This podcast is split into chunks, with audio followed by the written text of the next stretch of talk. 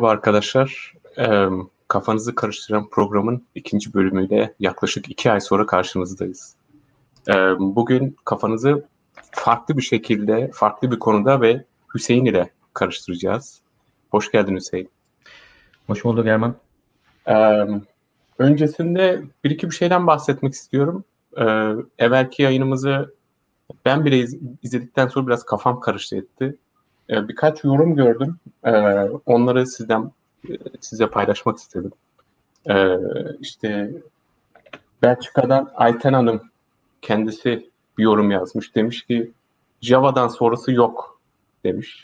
Yani orada kopmuş gitmiş. Ya ama zaten hani programın ikinci, üçüncü kelimesi muhtemelen Java'ydı yani. Um, Antep'ten Nazım Bey e, kendileri demiş ki uykuya dalmak için bu programı izliyorum demiş. Herhalde evvelki yayından bahsediyor cidden. Kafa karıştıran. İstanbul'dan Kedicik Hanım maşallah inşallah demiş. Son olarak da İstanbul Beylikdüzü'nden Oğuzcan Bey şoför bey taksiden geçiyor demiş. İyice kafası karışmış yani. Ee, neyse bu kadar şaplamadık yeter. Ee, daha ciddi konulara gel- gelecek olursak e, iki şeyden bahsetmek istiyorum. Ee, öncelikle e, hepimizin gündeminde olan yangınlar. Ee, orada e, her bir yani ne şekilde olursa olsun e, yardıma giden, e, yardımda bulunan herkese çok teşekkürler. E, sayenizde belki de gelecek nesillere 3-5 parça bir orman kalacak.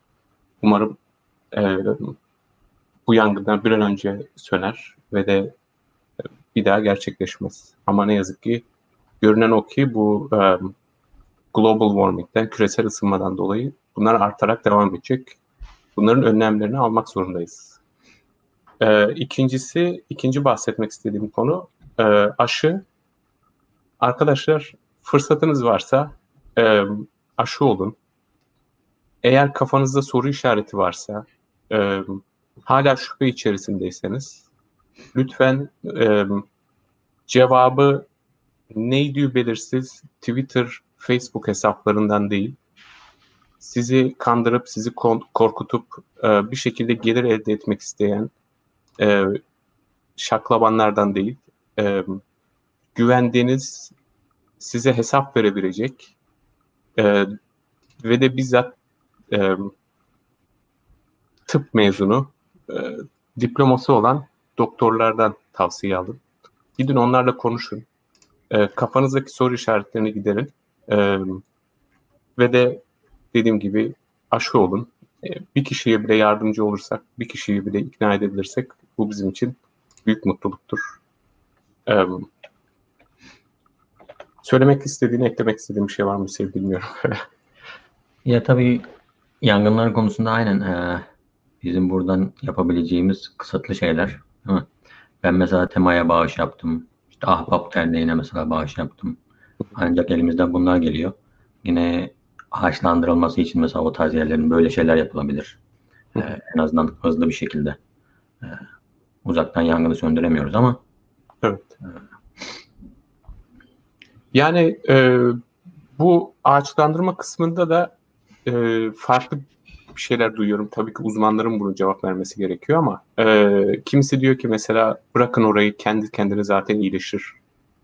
E, insanlar da e, tabii ki hemen bir şey olsun, bir yardım edelim diye e, bir şeyler dikerim diyorlar ama doğrusu ne bilmiyorum. Ama umarım e, çabucak iyileşir. E, neyse yani böyle ciddi konular da var. E, ya biz burada konuştuklarımız ciddi ama o kadar da ciddi değil. E, Tekrardan hoş geldin. Ee, biraz bize kendinden bahsedebilir misin? Tekrar hoş bulduk. Ee, öncelikle teşekkürler. Yani güzel program. İlk bölümü izledim. O yüzden e, neler yapacağımı biliyorum. kafan karıştı mı? Senin de kafan karıştı mı? Yok ben ilgileniyordum o tarz konular. Ben Java'dan sonra bırakmadım. Biraz daha izledim ben. Garbage Collection'da bıraktım yani. Orada gittin. Evet. evet. Ee, adım Hüseyin Ergin. Ee, 2004 yılında Yeditepe Üniversitesi'ne başladım. Bilgisayar bilimine. 2008'de oradan mezun oldum. Daha sonra e, master için Sabancı Üniversitesi'ne başladım. E, 2011'de de oradan mezun oldum. E, o sıralarda Huawei'de çalıştım. R&D merkezinde yazılımcı olarak. 2011'de de doktora için Amerika'ya geldim. Alabama Üniversitesi'nde bilgisayar biliminde. Ee, en son 2017'de oradan mezun olup şu an çalıştığım yere geldim. Yani tabi aralarda işte şu an çalıştığım yerde Ball State Üniversitesi e, Indiana'da Amerika'da yine. Aralarda tabii e, endüstride çalıştığım, bir startup şirketinde çalıştım, e, IT şirketinde çalıştım. Yani birçok şeyi görmeye çalıştım. Değişik şekillerde yazılım nasıl geliştirilir falan diye. E, o yüzden birçok şey tecrübem var. Burada da o tarz şeyleri yapıyorum genelde. Yazılımcılık üzerine dersler öğretip, endüstriyle işbirliği projeler geliştirip, onlara yazılımlar yapıyoruz öğrencilerle birlikte. Ama yani hayat hikayem teorik olarak bundan ibaret. Biz Erman'la seninle... tanıştık. Aynen. 2007'de ilk başta tanışmıştık. Ee, staj yaparken IBM Türkiye'de daha sonrasında 2008'de sen Master'a Sabancı'ya geldin. Orada da tekrar bir araya geldik. Ee, kariyer sorularına sonra girerim.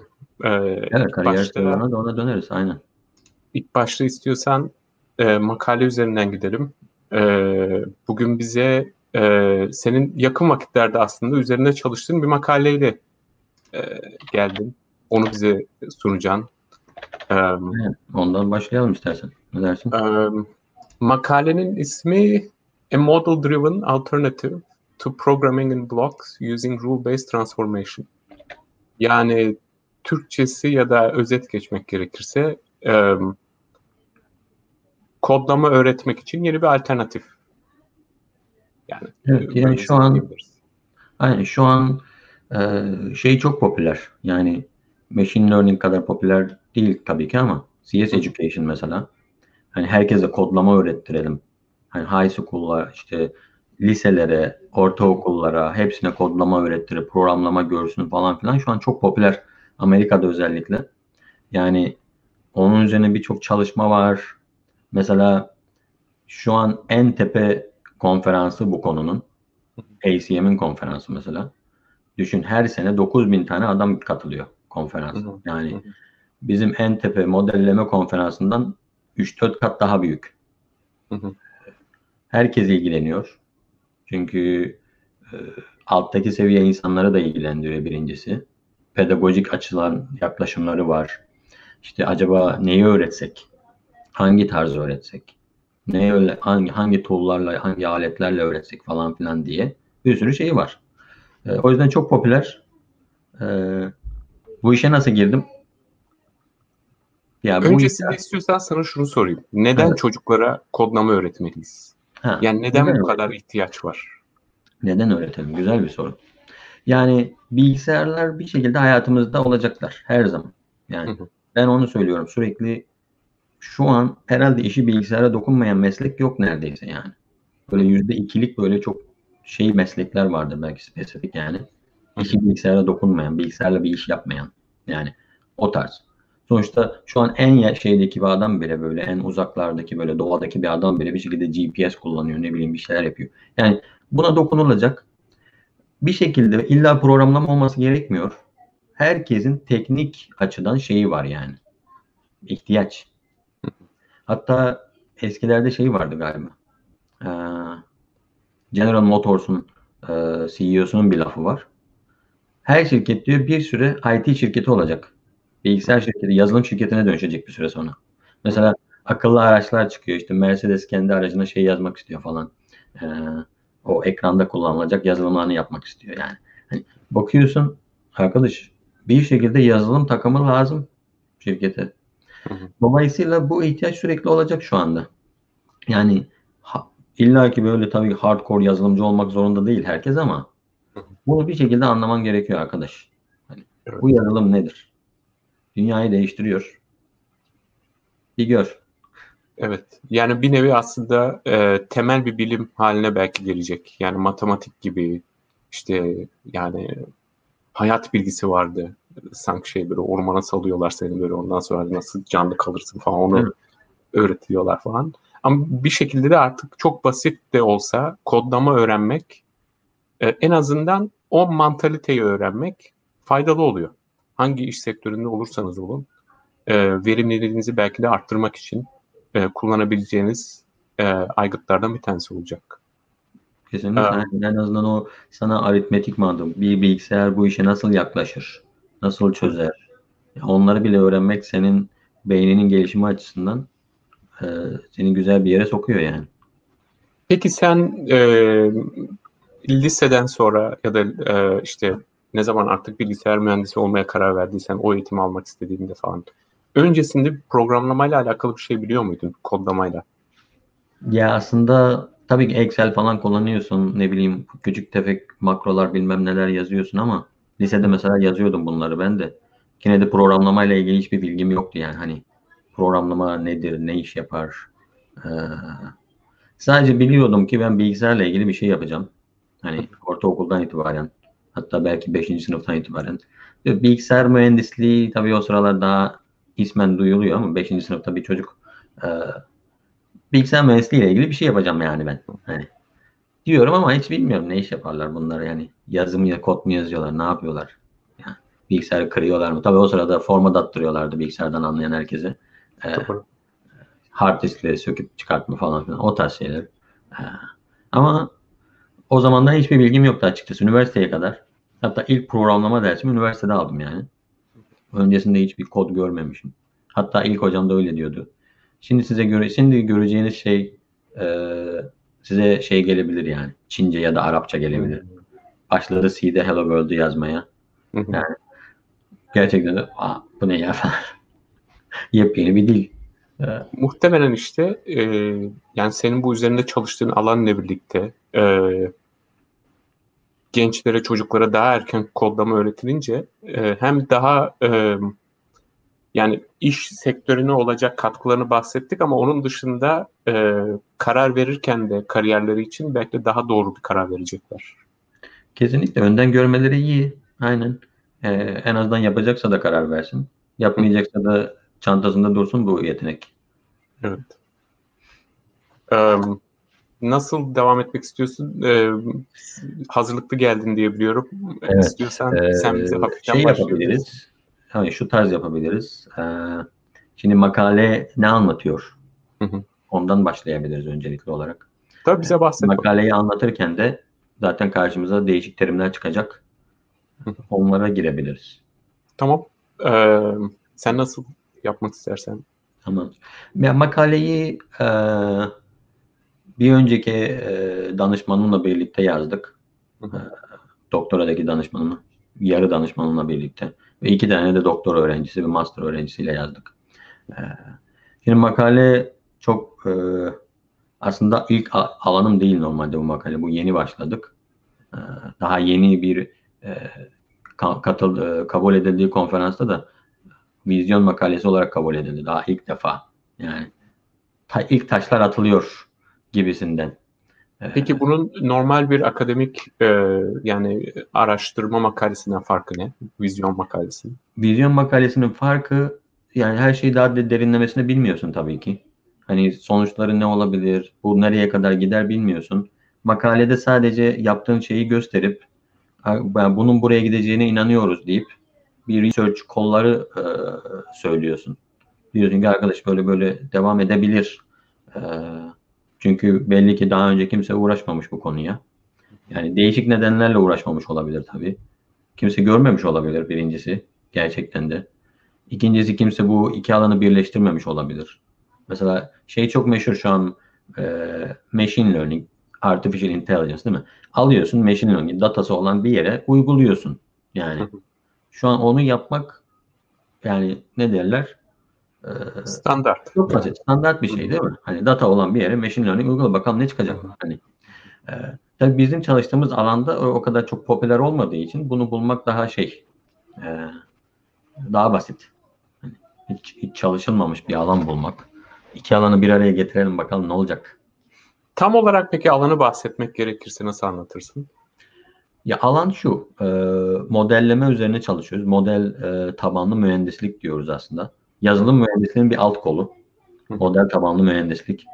Model tabanlı mühendislikle bilgisayar bilimi eğitimini birlikte harmanlamaya çalıştık bu makalede.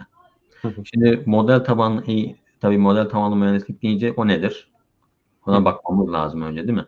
İşte o yüzden e, bir tane sunumum var aslında. Bu da 2-3 sene önceden kalma ama çok e, güzel bir şekilde çok genel bir e, izleyici kitlesine şey, anlatacak şekilde yapmıştım. O yüzden onun bazı slaytlarını açıp üzerinden geçeceğim. Tabii. O sırada da konuşmaya devam edelim. Ee, hani hem hemen şuradan açıyorum. İşte o e, bu konuşmam şey üzerine devam ediyordu. Ee, acaba hani kod nedir? Çünkü e, dediğim gibi şeyi olayı anlatmak istiyordum. Bu iş nereden başlıyor ki modellemeye doğru gitmeye çalışıyoruz biz? Diye kod nedir? İşte neden kod diyoruz? İşte e, şu an şeylere bakıyorsun şirketler dünyaları değiştiriyor değil mi? Sadece sadece kod yazarak dünyayı değiştiriyor insanlar yani hani böyle bir sürü şirket var. Uber gibi, işte Airbnb gibi. Sahip olduğu tek şey kod. Yani e, adamın elinde hiç araba yok. Taksi yok, bir şey yok. Sadece onun organizasyonuyla ve çok mükemmel bir kod, kodla dünya şirketi olmuş. Yani işte Netflix, yine o keza Spotify, işte Snapchat ya da diğer mesajlaşma sistemleri. E bunların hepsi bir şekilde kod yazarak yapmış adamlar. İşte biz de aslında küçük e, seviyede olsa bu insanların işlerini kolaylaştırmaya çalışıyoruz. İşte bu mesela bizim geçenlerde yaptığımız bir projedendi. İşte şu işte bir, mesela bilgisayarcı olarak ona baktığınca şunu gör. Mesela şurada kağıtla yapılan bir işlem var. Ee, bu kağıdı geri kim topluyor? Onu kim dijital yani bilgisayara geçiriyor? Onun en sonunda neler oluyor acaba? Hani daha sonra bu data işlemesi nasıl oluyor? Bilgisayarcı olarak böyle bakıyorsun bir süre sonra olaya.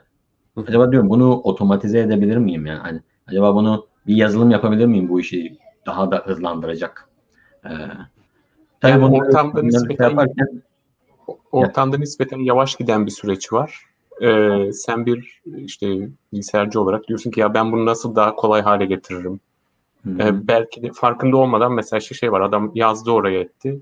Sonrasında kayboldu mesela. Ne olacak? Ee, ya da okuyamadı şeyler. el yazısını. Bir şeyler oldu. Aynen. Önemli bir datayı kaçırdılar falan. Hı-hı. Olabilir. Yani böyle bakıyorsun olaya bir süre sonra acaba bunu nasıl daha şey yaparım diye bakıyorsun. Tabii bunu yaptığın an sorunlar çıkmaya başlıyor. Yani mesela A noktasından B noktasına gitmek istiyorsan veya ortamda transportation var, şey, e, teleportation varsa, right? E, tabii ki bunu kullanırsın ama şu an elimizde olan en efficient sistemler bu normal araçlar, işte uçaklar vesaireler. Tabii bir problemi çözmek için yani A noktada B noktada aracı kullanınca kendine gördün mü? Çok güzel değil mi? Son teknoloji. Tabii ki bir problemi çözmek için arabayı kullanınca kendi problemleri ortaya çıkıyor. Yani aynı şey bu sefer de diyorsun ki ben uçakla gideyim arkadaş araba çok sorun çıkarıyor. Bu sefer uçakların da kendi problemleri var. ee, yani bir süre sonra bakıyorsun bu bizi şeye getiriyor. Hani bir problemin doğasında bir zorluk var zaten. Mesela A, A noktasına B noktasına gitmenin bir zorluğu var. Bir de kullandığımız araçlardan dolayı ekstra bir zorluk katıyoruz üstüne. İşte biz bunu modelleme aslında çıkış noktası burası. Diyoruz ki hani bazı şeylerin kendi zorlukları var zaten. Bazıları da bizim kullandığımız aletlerden dolayı olan zorluklar. Mesela işte Java kullanırken işte noktalı virgülü unuttun mu unutmadın mı falan filan mesela şikayet ediyor değil mi? O zaman diyorsun ki tamam noktalı virgül kullanmayan bir dil yapayım ben ya da kullanayım bu problemi çözmek için diyorsun. Python kullanayım diyorsun. O zaman da karşına başka bir problem çıkıyor. Acaba tabları doğru yaptım mı yapmadım mı?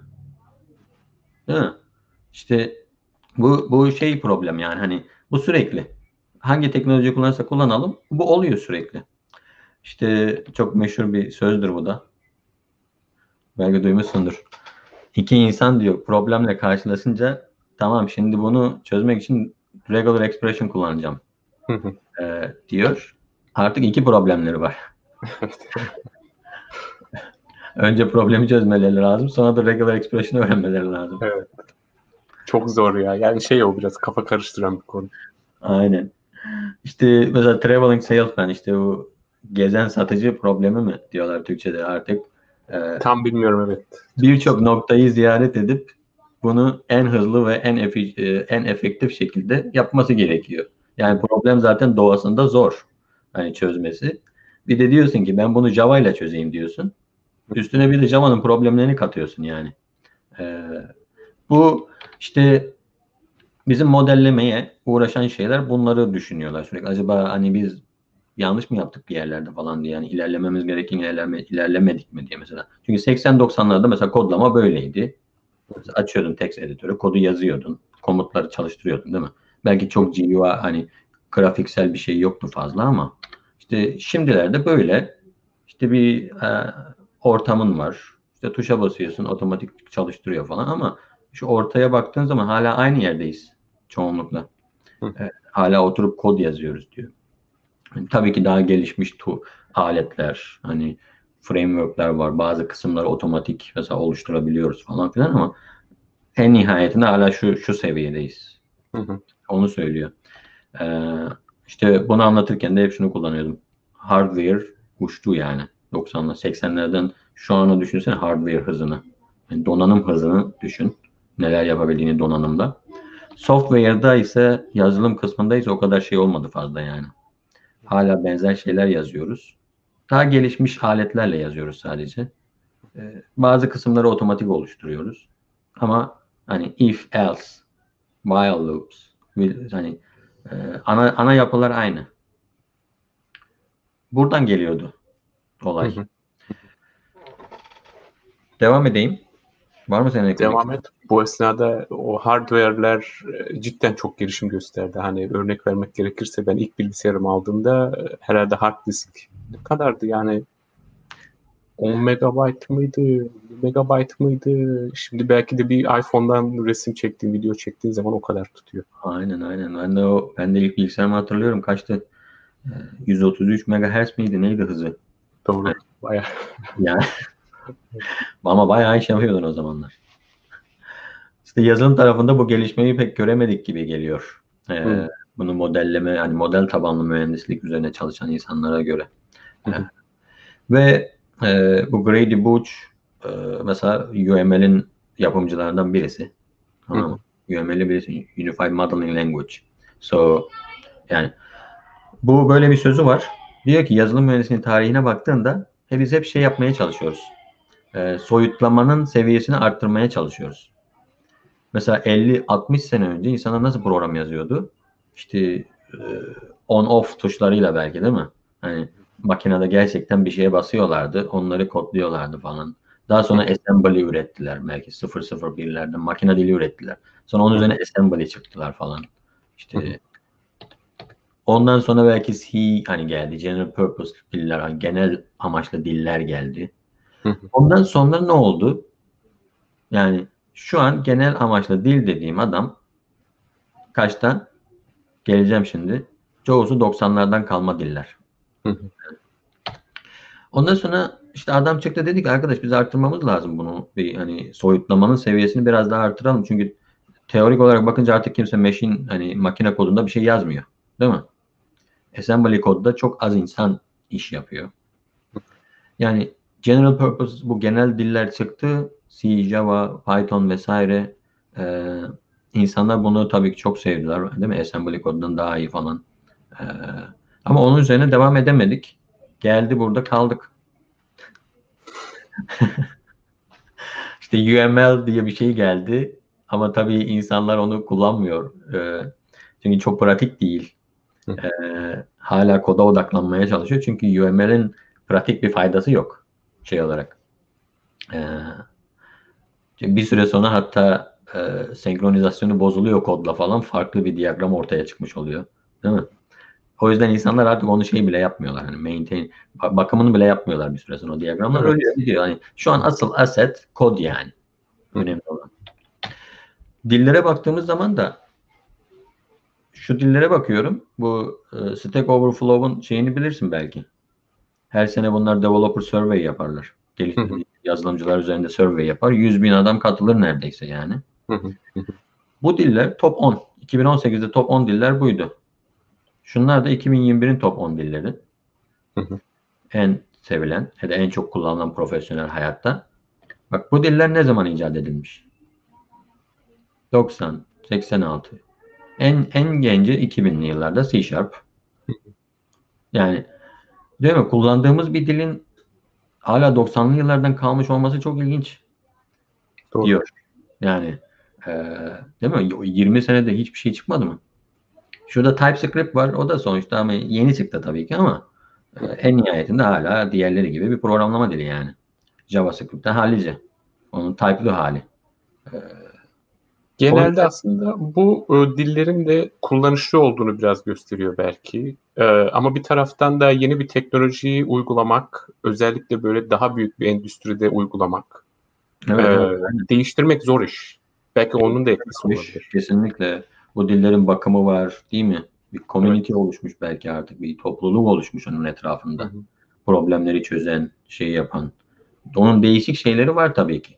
Ama hani sonuçta research alanında biz diyoruz ki hani e, yoksa bunu ölene kadar kullanırsın belki de. Yani kullanışı muhtemelen. Assembly'yi bulan adam muhtemelen demiştir. Vay arkadaş ben makine kodu üzerine ne, ne, ne kod çıktım yani. Hani assembly muhtemelen ölene kadar kullanırım. Demiş olabilir. Yani çünkü makine koduna bakınca çok gelişmiş bir sistem değil mi? Evet. Assembly. Ee, Assembly'den sonra mesela ilk C'yi bulan adam da belki demiştir ki o arkadaş hani ne, neler neler koydum assembly'nin üzerine daha okunabilir bir kod falan filan. Hani kullanabiliriz bunu istediğimiz kadar kullanabiliriz demiştir. Ama tabii biz araştırmacılar olarak sürekli hani acaba ileride ne var yani bir sonraki daha adam, iyisi. evet daha iyisi ne? İşte modelleme birazcık o kısma benziyor. Geleceğim zaten oraya da biraz. Şu an endüstride nasıl kullanılıyor bu modelleme? Yani onun popüler adı ne? Ee, model odaklı mühendislik diyoruz da biz o çok şey bir ad. Ne diyor? Jenerik, genel geçer. Yani geride kalmış bir isim. Ee, çünkü terim 20-30 senedir var ama ortada bir şey yok. Anladın mı? Hani böyle bir elle tutulur pek bir şey yok. O yüzden isimleri değişik şu an aslında çok tu- meşhur olan aletlerin ya da yeni yazılımların.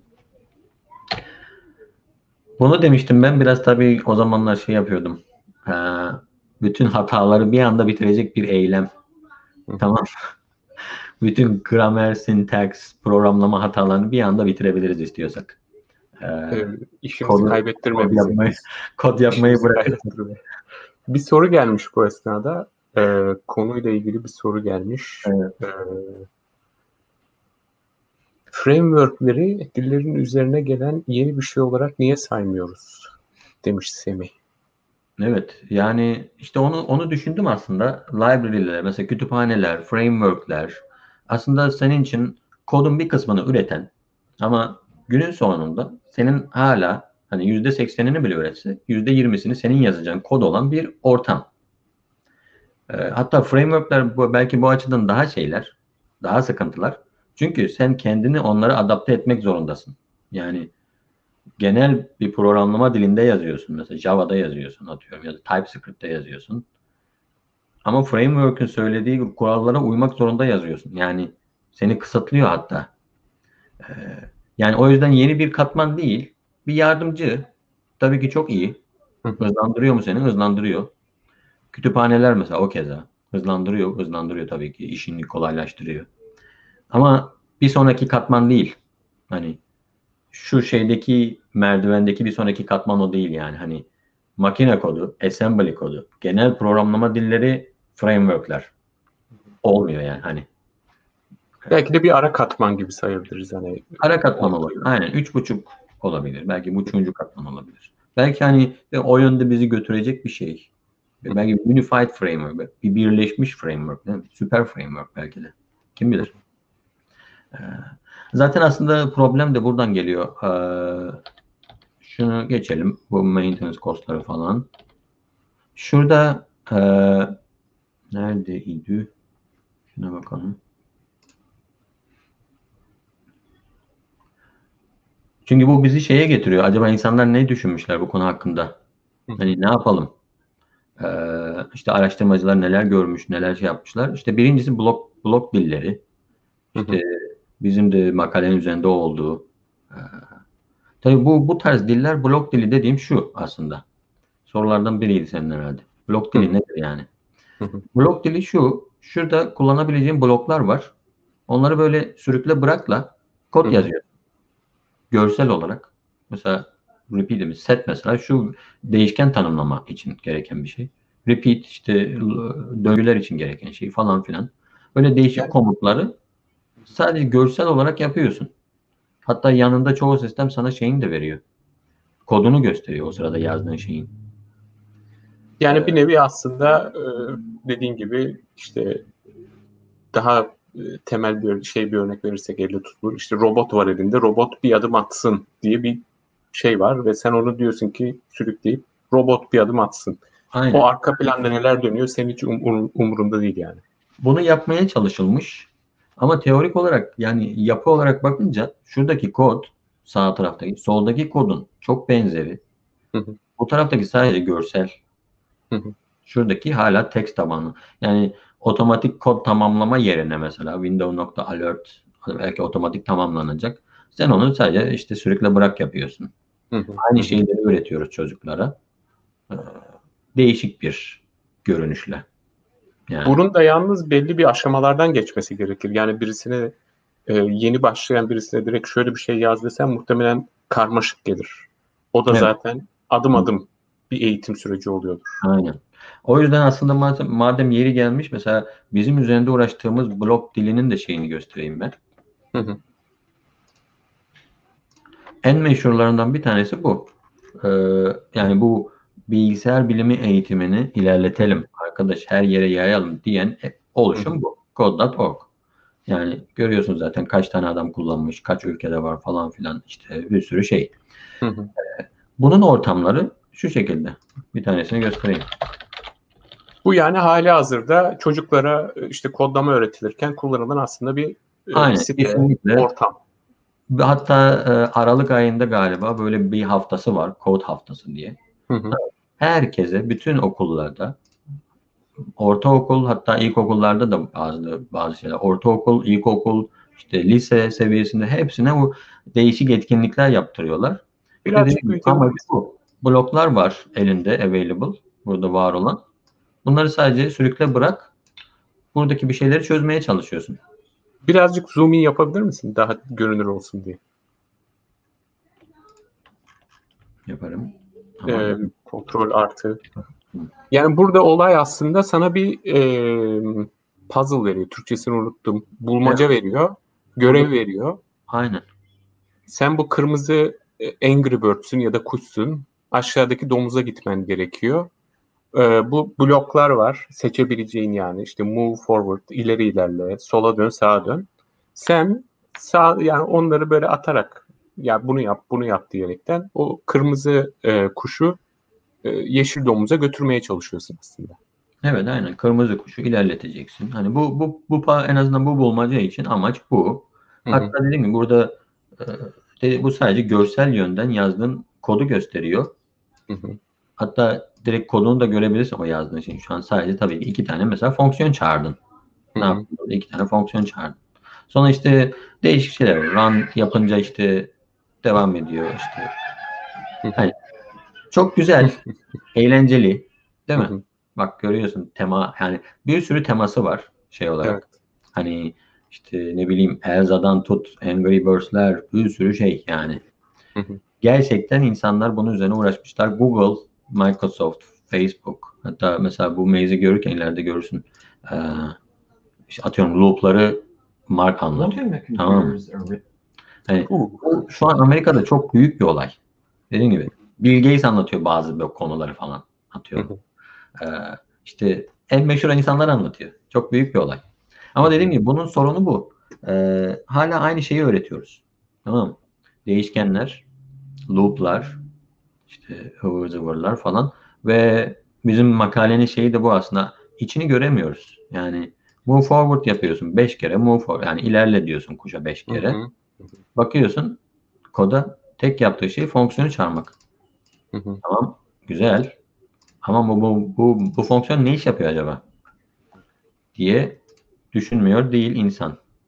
Yani hali hazırdaki bir şeyleri kullanarak tamam bir ortaya yemek çıkarıyorsun ama e, yani belki biraz daha detayı öğrenmek daha iyi bir şey oluyor. Burada Evet. çok hazır geliyor belki. Zaten aslında çok iyi iş yapıyor. Yani gerçekten de dediğim gibi eğlenceli, çok da iyi iş yapıyor.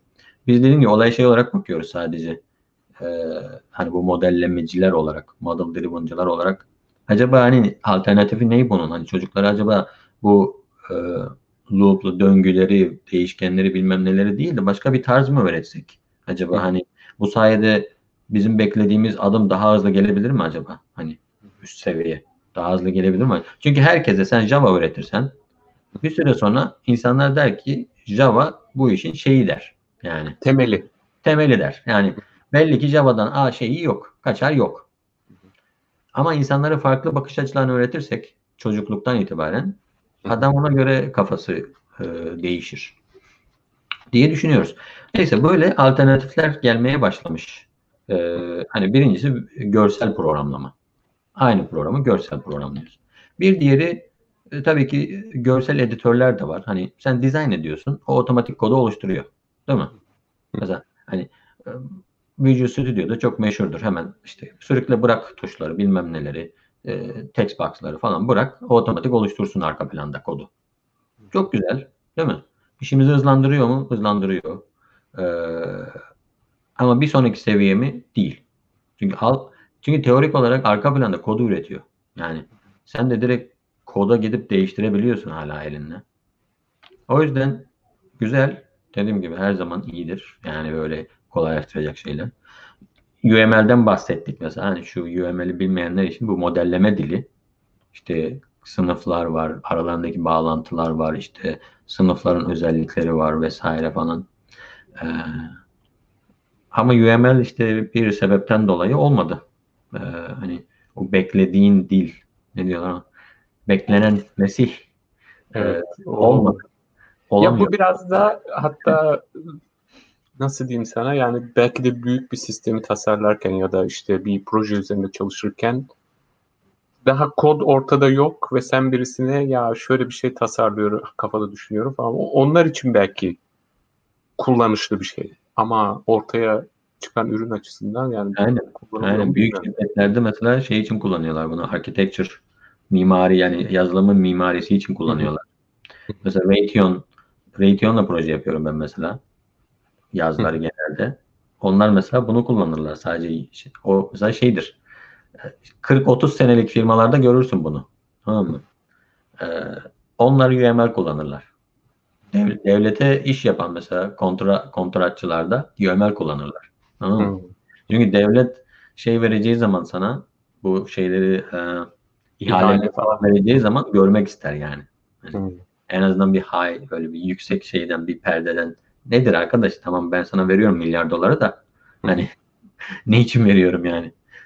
Adama diyemezsin ki arkadaş bir başlayalım hele hani Tabii. gö- görelim nereye gidecek diyemezsin.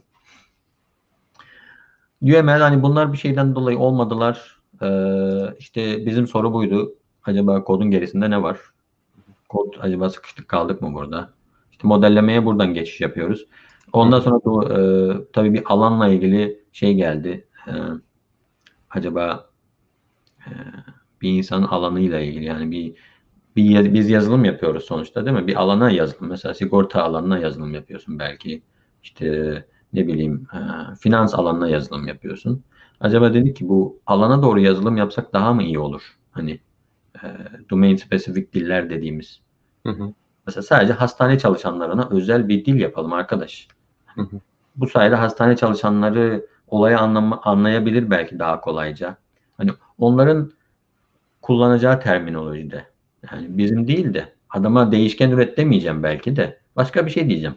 Hani Bu yani konuştuğumuz konuştuğumuz diller gibi aslında yani Türkçe, İngilizce, Almanca her dilin belli bir aslında sana sunduğu bir alan var. Ee, bu kelimeleri, cümle yapılarını kullanaraktan bir şeyler anlatabilirsin.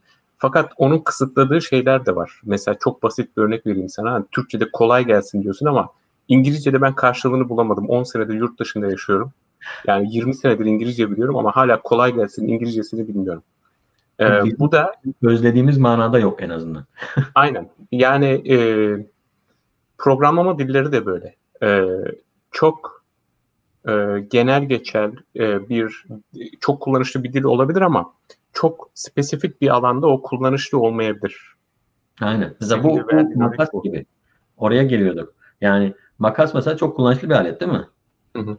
Çok çok yerde işe yarıyor. Bak hani kesiyorsun bir sürü şeyi falan filan ama kestiğin ortama göre bir anda kullanışsız olabiliyor. Evet. Ee, bu böyle bir domainde çalışıyorsan, böyle bir alanda çalışıyorsan yani alman gereken alet belli. Ee, daha özelleşmiş değil mi? Bu konuya yoğunlaşmış falan filan belki. İşte Bu esnada bir soru daha gelmiş. Kusura bakma kestim yine seni. Tabii tabii. Ee, Amacımız bu değil mi? E, UML olmasaydı, olmadıysa yerine ne geldi? Kullanılan alternatifi nedir? Evet işte aslında biraz önce onlardan konuşuyorduk. Şimdi UML olmayınca ne oldu? Ee, çünkü UML aslında birazcık e, sorunu şuydu UML'in. E, o direkt şeyi visualize et yani görselleştirmeye çalıştı kodu. Yani hı hı. UML'de gördüğüm yapılar, sınıflar, işte ne bileyim e, aralarındaki bağlantılar, özellikler. Mesela class diagram için bu yani sınıf diyagramı için bu. Değişik diyagramlar var tabii ki ama onu visualize etmeye çalıştık. Aslında sorun oydu. O yüzden de yerine mesela bu geliyor. Şimdi e, alana yönelik diller çıkıyor bir süre sonra. Şimdi gelecektim mesela. Hani acaba alana yönelik diller nedir? Ee, mesela bir alan için çok iyi çalışıyor. Şu alet gibi mesela. Şu alet e, çok güzel çim keser değil mi? Ama başka yerde kullanamazsın bunu. Ee, onun gibi alana yönelik diller var mı Erman? Halil, alana yönelik dil bilgisayarda. Yani alana yönelikten önce Halil'in e, sorusuna cevaben belki de şu örneği verebiliriz. Evet. E, yani kodun kendisi işte Java'da olabilir, C'de olabilir. Bu bir nevi aslında yapılan inşaat gibi düşünebilirsin. Yani o çimentonun dökülmesi, o evin yapılması. UML'in kullanış alanı belki daha çok yani onun çizimi, e, işte odanın boyutları, e, bir odalar arasındaki giriş yani daha sanki böyle mimarlık gibi yani bir örnek vererek yani bilmiyorum doğru mu bu örnek ama e, kullanılan alternatif kesinlikle kesinlikle o iş için kullanılıyor. Yani mimari olarak bakınca bir e, etra şeye bakınca böyle bir uzaktan bakınca binaya mesela tamam mı? Hı. Böyle içlerine girince değil de e, acaba elektrik planı nedir bu binanın? Değil mi?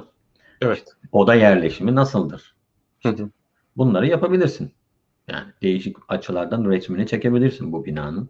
Onu kullanaraktan bir bina yapabilirsin. Ama evet. o binanın kendisi değil. Yani hani e, yerine ne geldi kullanılan alternatiften öte yani hala kullanışlı fakat kullanış alanı farklı. Evet kullanış alanı çok küçük bir alan. Aynen çok küçük bir alan. Bizim beklediğimiz sıçramayı yapmıyor. Yani Hı. Mesih değil. Ben sana soruyordum bunu. Bilgisayar evet. alana yönelik değil yani. Bir alanda çok iyi ama başka hiçbir yerde kullanamazsın onu. JavaScript derdim. Benim aklıma o gelirdi herhalde. Çünkü JavaScript daha çok böyle e, yani ama JavaScript çok yani genel bir programlama dili. Yani Çok, JavaScript'te her şeyi yapabilirsin. Doğru her şeyi yapabilirsin ama e, şey gibi düşündüm. E, yani ben bu konuda uzman birisi değilim tabii ki. Şu an öğrencin olarak karşındayım. JavaScript'i şu örnekten verdim. JavaScript'le gidip e, bir database yazamazsın. E, JavaScript daha çok böyle e, browser üzerinden yapılacak web application'lar için belki daha uygun olabilir ama kalkıp gelip e, performansa dayalı, performansı önemli olan bir sistem işte database falan yapamazsın. Gidip MySQL, evet. PostgreSQL yazamazsın onda. O, orada Ama Java ile mesela her şeyi yapabilirsin. Değil mi? Doğru tabii ki. Her şeyi ee, yani her şeyi yaparsın tabii. Performan olmayabilir belki ama belki o iş için daha böyle özelleştirmen gerekebilir ama hani zaten o yüzden diyor. Genel programlama dilleri diyorlar ya. Doğru. Doğru. Bütün alana bir program yazabilirsin Java ile. Doğru. Yani finans alanına da yazabilirsin. Database alanına da. Her şeyi yazabilirsin. Ama şimdi sana öyle bir dil göstereceğim ki sen de biliyorsun. Bu dili SQL, doğru. sadece database'den bir şey çekmek için kullanabiliyorsun. Hı hı. Yani e, işte bu alana yönelik dil. Bunun dışında kullanışsız bir dil. Yani veri veri tabandan bir şey çekmiyorsan hiçbir yerde kullanamazsın. Hı. HTML mesela. Adı üstünde language diye geçiyor zaten. Hypertext Markup Language. Yani adı language sadece HT yani web sayfalarına bir layout, bir şekil vermek için kullanıyorsun. O kadar. Yani onun dışında hiçbir şey yapamıyorsun HTML'le. Doğru. Ee, bunlar alana yönelik diller. Çok güzel uygulanmışlar, sevilmişler mesela. Ve top 10 diller arasındalar aslında. SQL ve HTML mesela. Top 10 diller arasındalar. İşlerini iyi yapıyorlar. Değil mi? Hı hı. Ee, ama bir tek alanda yapıyorlar. İşte bir aslında... soru daha gelmiş bu esnada. Evet. Ee, kusura bakma seni böyle kesiyorum ama. Yok yok kes. istediğin zaman kes. Sohbet ediyorsun. Ee, C gömülü ya da robotik dışında nerede kullanılıyor ki demiş Ege. Ben kendim mesela bir örnek verebilirim. Database'lerde kullanılıyor. C çok verimli, hızlı bir dil. Biraz um, yani ne biraz hatta yani neredeyse çoğu işi sen yapıyorsun. E, memory management falan böyle onları sen yapıyorsun ama çok hızlı bir dil. E, mesela database'lerin çoğu C'de yazılıyor. Evet ama ben de hani tabii ben de C uzmanı değilim ama e, gömülü ve şeyler haricinde bir sürü ortamda kullanıldığını biliyorum. Hı hı. Yani e, sonuçta e, hani bazı diller bazı alanlarda daha fazla e, tercih edilmeye başlanmış bir süre sonra. Çünkü mesela bir dil neden çok tercih edilir o alanda? Çünkü topluluk mesela o konuda daha iyi eğitilmiştir. Mesela Linux, Linux'un kernel'ını yazarken adam C'de yazacaksın yani şimdi tutup da ben onu Java'da devam edeceğim diyemezsin yani. Çünkü yıllarca üzerinde C'de çalışılmış. Bir, bir anda değiştiremiyorlar da dillerini. O yüzden ne yapacaksın? C'de devam edeceksin. Yani bir dilin o, o ortamda hakim olmasının değişik şeyleri var tabii ki. Bu aslında bir önceki programda da değindiğimiz bir konuydu. Yani farklı farklı diller var. Ee, hatta aynı problem için zaman kısıtlamasına göre başka bir dilde bile yazabilirsin. Belki de bir startupsın. Ee, çabucak ortaya bir ürün çıkartıp insanlardan e, investment almak istiyorsun. Türkçesini unuttum. Ee, efendim? Yatırım. Yatırım, yatırım almak evet. istiyorsun. Ortaya hemen bir ürün çıkartmak gerekiyor. C aslında çok verimli, çok hızlı bir dil ama yazması zor bir dil. Biraz meşakkatli. değil. Java yazarsın. Daha sonrasında o kritik işte böyle hızlı olması gereken kısımları C'de, C++'da yazabilirsin. Aynen. İşte bu tarz diller diyorduk. İşte bir tek alanda kullanılıyor. Daha yani biz bunu bunun tarzı bir şey istiyorduk ama buraya gelemedik. Ee, işte dedik ki o yüzden modelleme üzerine konuşalım biraz da. Yani bizim ileri dediğimizde koddan bir sonraki seviye onu e, görselleştirmek değil kodu. Çünkü UML bu işi yapıyor. Kodu görselleştiriyor neredeyse. Çünkü sınıf dediğin yapı Java'da da var, C Sharp'ta da var, Python'da da var değil mi? Bütün neredeyse dillerde var. Onu UML'de göstermişsin ya da Java'da göstermişsin pek bir farkı yok aslında. Ee, o yüzden UML aslında tutmamasının birinci nedeni oydu. Şimdi bu ne? Bu modeli değil mi? Uçağın bir modeli. Şimdi modeli dizayn ediyorlar tabii. Mesela, mesela bir, bir e, e, köprü yapmak için mesela değişik açılardan modelini yapıyorlar değil mi önce? Bütün açılardan yapıyorlar falan. Üç boyutlu şeklini çiziyorlar falan filan. En sonunda köprüyü geliyor. Gerçek inşaatçılar, mühendisler bir araya gelip bunları kullanarak yapı veriyorlar. Değil mi?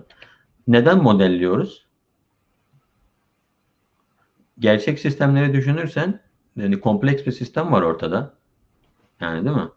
Karmaşık bir sistem var. Önce bir analiz yapalım değil mi? Yani bir bakalım arkadaş nasıl yapacağız? Hani çünkü çok fazla para gerektirecek belli ki bu iş. Ee, hani başarısız olursan da çok büyük kayıp demek. Ee, önden bir hatalarını bulalım bu sistemin. Hani acaba gerçekten oturacak mı oraya? Ya da diyelim ki bunları şey için kullanıyoruz sadece. İletişim için değil mi? Hani e, yatırımcıya yatırımcıya yani, diyecek arkadaş şu köprüyü yapacağız sana. Ha, iletişim için. Tabii yani zaman kısıtlı, kaynaklar kısıtlı. Sen bu kısıtlı kaynaklar içerisinde en doğru çözümü, en iyi çözümü bulmak istiyorsun. Şimdi köprü yaparken ya doğaçlama ben bir şeyler yapayım dersen ondan sonra Twitter'da bir hesap var mimari facialar diye. Ee, yani onda oraya çıkarsın direkt. Çok ilginç şeyler var. Doğaçlama yaparsın. Aynen. Sen Doğru. onun öncesinde bir yatırım yapıp ya ben şöyle bir şey yapmayı düşünüyorum. İşte belki de bu 100 yıl dayanacak bu köprü. Onları e, yapman gerekiyor. Bu yüzden önemli. Tabii şey vardı bir tane geçen izlediğim konuşmada çok iyi bir benzetme vardı. Normalde gene hani mesela yazılım mühendisliği diyoruz ya. Yazılım mühendisliği yani mühendislik var ortada değil mi? Ya da olması lazım en azından. İnşaat mühendisliği ile yazılım mühendisliği arasındaki mesela insanlar hep karıştırırlar. Normalde ben de önceden öyle düşünüyordum hep. Ya arkadaş biz köprü senelerdir yapılıyor değil mi? Hani önden bir analiz yapılıyor falan filan yapılıyor. Ee, yazılım mühendisliği de öyle bir mühendislik dalı olması lazım diye düşünüyorsun. Geçen izlediğim konuşmada adam diyor ki kimse diyor köprü inşa edilmeye başladıktan sonra demez ki tutalım altına bir de garaj yapalım demez yani. Hı hı. Ya da üst katına birazcık da yağmurluk bir şeyler koyalım. Yan tarafından da bir ev sarksın. İnsanlar orada otursunlar ara sıra. Demez kimse. Yani şu modeller oluşturulduktan ve inşa başladıktan sonra genel itibariyle bu köprü değişmez. Doğru. Yazılımda ama yazılımın ortasındasın. Adam sana der ki arkadaş bir de şey mi yapsak acaba? Hani şunu mu eklesek? Şu butonu mu eklesek? Acaba? Hani köprüyü mesela kaç adam kullanacak analizini yaparsın. Dersin ki 100 adam kullanacak. Değil mi? Bu zaten fiziksel olarak 100 adamdan daha fazlasını almaz yani. Ama yazılım öyle değil ki. Yazılımı 100 adamla başlasan meşhur oldu bir anda. Ne oldu? Al sana 1000 tane adam oldu bir anda. Sonra 1000 tane adam kullanmaya başladı. Biraz daha meşhur oldu. 1 milyon adam. Hani çözülen problemler çok farklı. Evet. O yüzden gerçek şeye benzetemiyoruz ya. Bu da ilginç bir anekdottu. Çünkü çok kafama yatmıştı o zaman hani. Gerçekten yazılım mühendisliği, inşaat mühendisliğiyle bir, bir tutamazsın yani. Bir köprü inşa etmeyle yazılım inşa etmeyi bir arada tutamazsın. Bu esnada bir soru daha gelmiş Semih'ten. Bir çalışıyor. evet. No code platform işi nereye gider? Yani hiç kod yazmadan şeyler e, ürün ortaya çıkarmak. Evet aslında ona da geliyordum ben şimdi. O Hı. onun popüler adı şu an bizim uğraştığımız alanın. Çünkü Hı. şöyle güzel olmaz mıydı diye bir soru atıyorum ortaya. Mesela hani köprünün modelini yaptın, her şeyini yaptın arkadaş. Bir tuşa bassan ve daha sonra köprüyü oluşturulverse kendini. Değil mi? Mesela şu an 3 boyutlu evlerde yapıyorlar bu işi. Hani adam 3 boyutlu dizaynını yapıyor evin. Çimentoyu koyuyor içine. Alet hani bir süre yapıyor, çalışıyor, çalışıyor falan 3 boyutlu ev çıkıyor ortaya. Her şeyde böyle bir şey olsa güzel olmaz mıydı değil mi? Bence olurdu. Olurdu. Yani aslında yazılımın özelliği neredeyse böyle bir şey. Yani yazılımda sen güzel model yaparsan onları değişik açılardan fotoğrafını çekip modelini çıkartırsan yazılım tak diye ortada olabilir yani. Değil mi? Şüphelerim var. Ama evet şüphelerim var yani. O şüphelerden dolayı işte meşhur olamadı bu olay. Yani evet. e, ne diyeyim belli bir yere hitap edebiliyor ama her şeyi çözemiyor tabii haliyle dediğim gibi çünkü en başta anlattığım mevzu. Olayı çözmek için bir tane alet getirirsen bu sefer de o aletle uğraşmak zorundasın. İşte böyle bir şey yaparsan bu sefer de o aletle uğraşıyorsun. Bu nasıl olacak? Mesela bizim alanda böyle oluyor. Mesela modelleme alanında. Sen mesela Siri'ye diyorsun ki Siri'ye, Alexa'ya diyeceksin ki arkadaş bana bir ortam ver. İçinde rezistörler olsun, kapasitörler olsun, transistörler olsun, kablolar olsun. Değil mi? Böyle bir ortam ver desin mesela Siri'ye. O da dedi ki al sana ortam al dizayn et dese mesela. Değil mi? Güzel olmaz mı? Bence benim için olmaz. Çünkü ben işimi kaybederim bu tip durumda. Daha sonra desen ki mesela ben Pac-Man diye bir oyun icat etmek istiyorum. İçinde böyle Pac-Man olsa yuvarlak, şöyle gözükse, sarı olsa falan, e, işte e, yemekleri olsa, hayaletler olsa falan filan. İşte dese al sana ekran hani dese ortam Siri de bana sana bunu sunsa güzel olurdu değil mi? İşte bizim şu an Siri tarzı bir ortamımız yok. ee, maalesef. Ee, ama şöyle bir ortamımız var. İşte üzerinde çalıştığımız alet e, yazılımdan bir tanesi de bu. Makalenin ana yazılımlarını da bununla yaptık zaten. Şeye diyorsun ki elemanları söylüyorum ben. Yani bana ne lazım? Şu lazım, şu lazım, şu lazım. Transistör, kapasitör, bilmem ne, kablolar lazım. Anda aralarındaki ilişkiler de bunlar. Tamam mı? Bunu tabii gördüğün gibi UML kullanarak yapıyoruz. Yani hala klas e, sınıf diyagramı kullanarak yapıyoruz. Daha sonra diyorum ki mesela bu bir oyunu programlamış. Bir arkadaşın e, programladığı bir şey. Yani dizayn ettiği bir şeydi. Bir oyun programlıyor burada aslında. Nasıl görüneceğini anlatıyor bunların. Şekil veriyor hepsine. Ha işte scroll bu şekil, key bu şekil gözüküyor falan filan diye anlatıyor hepsini tek tek. Sen bunu söyleyince bu adam sana ortamını veriyor. Tabii gördüğün gibi çok amatör bir ortam. Tamam. Çünkü bu araştırma ürünü Aşamasında olan, araştırma aşamasında olan bir şey tabii ki. Son kullanıcıya hitap edecek bir şey değil. Ama en nihayetinde böyle bir şey geliyor sana. Ortamını e, oluşturabiliyorsun. Daha sonra da işte nasıl e, bu sadece statik durağan bir ortam yapıyor sana. Hani buna bir hareket vermen lazım değil mi? İşte birincisi bu modelleme dediğimiz olay tamamen burası. Şu yaptığım şey meta modelleme. Ama elemanlarını belirleme, aralarındaki ilişkiyi belirleme, meta modelleme diyoruz biz buna. Nasıl görüneceğini anlatma. Bunu hani concrete syntax diyoruz da gerçekte nedir? Ee, somut olarak nasıl görünecek bunlar yani? Tamam. Mesela illa böyle şekilsel görünmek zorunda değiller. Böyle güzel görsel şekilleri, resimler olmak zorunda değil. Mesela yazı da olabilir yani. Değil mi? Hı hı. Ee, belki de yazı tabanlı bir oyuna uğraşıyorsun sen. Hani yazı şeklinde görünecek. Mesela sigorta poliçesi. Sigorta poliçesi nasıl görünür? Yazılar halinde görünür yani. Sayfalar halinde görünür. Ee, en nihayetinde sana bu ortamı verir. Bu model, model driven, yani model odaklı mühendislik. Bunu yapmaya çalışıyor. Şimdi modele daha sonra da şey vermeye çalışıyoruz. Hareket, bir dinamizm katalım. Değil mi? İşte ona da model dönüşümü diyoruz. İşte model transformation, model dönüşümü diyor. Model dönüşümü tam olarak bu oluyor.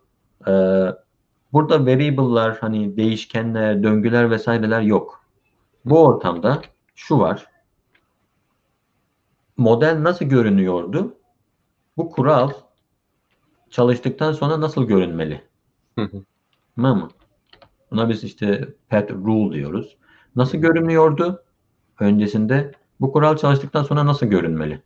Hı hı. Aslında bu şeye de geliyor. Hani imperatif hani programlama neydi ki? Sen bir alternatif getiriyorsun buna. Diyordun ya. Hı hı. İmperatif programlama bizim normal gördüğümüz programlama gibi alt alta satırları yazıyorsun. Değil mi? Değişkenler var. İşte if'ler var, döngüler var, ne bileyim bir sürü şey var kullandığın. Sınıflar var, fonksiyonlar. Onları alt alta yazıyorsun. Onlar çalışıyor. Bu imperatif programlama. Bilgisayara ne yapacağını adım adım söylüyorsun. Satır satır. Aynen. Satır Evet. satır ilerliyor. Bu imperatif programlama. Bu yaptığımız şey de aslında yani literatürde tabii yoktan var olmuş bir şey yok haliyle. Herkes bir öncekinin üstüne kat çıkıyor. Hı hı. Bu e, normalde declarative programlama diyoruz biz buna. Yani değişkenler aracılığıyla değil de pro, e, yani ortamın state'leri aracılığıyla programlıyorsun. Hı hı. Yani durumu buydu ortamın artık bu. Hı hı. Çalıştır değişti. Evet. Durumu gerçekten oysa onu yapıyor. Bunu da işte model dönüşümü oraya biraz daha dinamizm katmak için.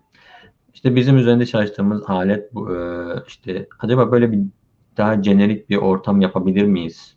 Hı hı. Hani e, gibisinden idi. Tabii bunlar ne için fayda sağlıyor? İşte dediğim gibi e, kod yazıyoruz. Şu adamın hayatını değiştirmeye çalışıyoruz. Ama şunlar yapsın. Hani domainciler yapsın olayı. Alana özgü insanlar yapsın idi. E, asıl amacımız. İyi, Semih'in sorusuna gelirsek bu low code şimdi işte yeni meşhur adı o onun aslında. Hı. E, low code, no code. Yani az kodlu programlama bir de kodsuz programlama. Tamam mı? E, diye yeni modern adını çıkarttılar. Gerçekten e, yani güzelce düşünülmüş bir olay. Çünkü Visual Studio'nun hallicesi yani bir sonraki seviyesi gibi. Bir sürü şeyi sürükle bırak yardımıyla şey yapabiliyorsun. E, dizayn edebiliyorsun. Yani eğer ben yazılım şirketi değilsem kendime özel mesela atıyorum e, bir küçük bir tool yapacaksam değil mi? Küçük bir yazılım yapacaksam gerçekten Mendix mesela bu işin en büyük firması mesela.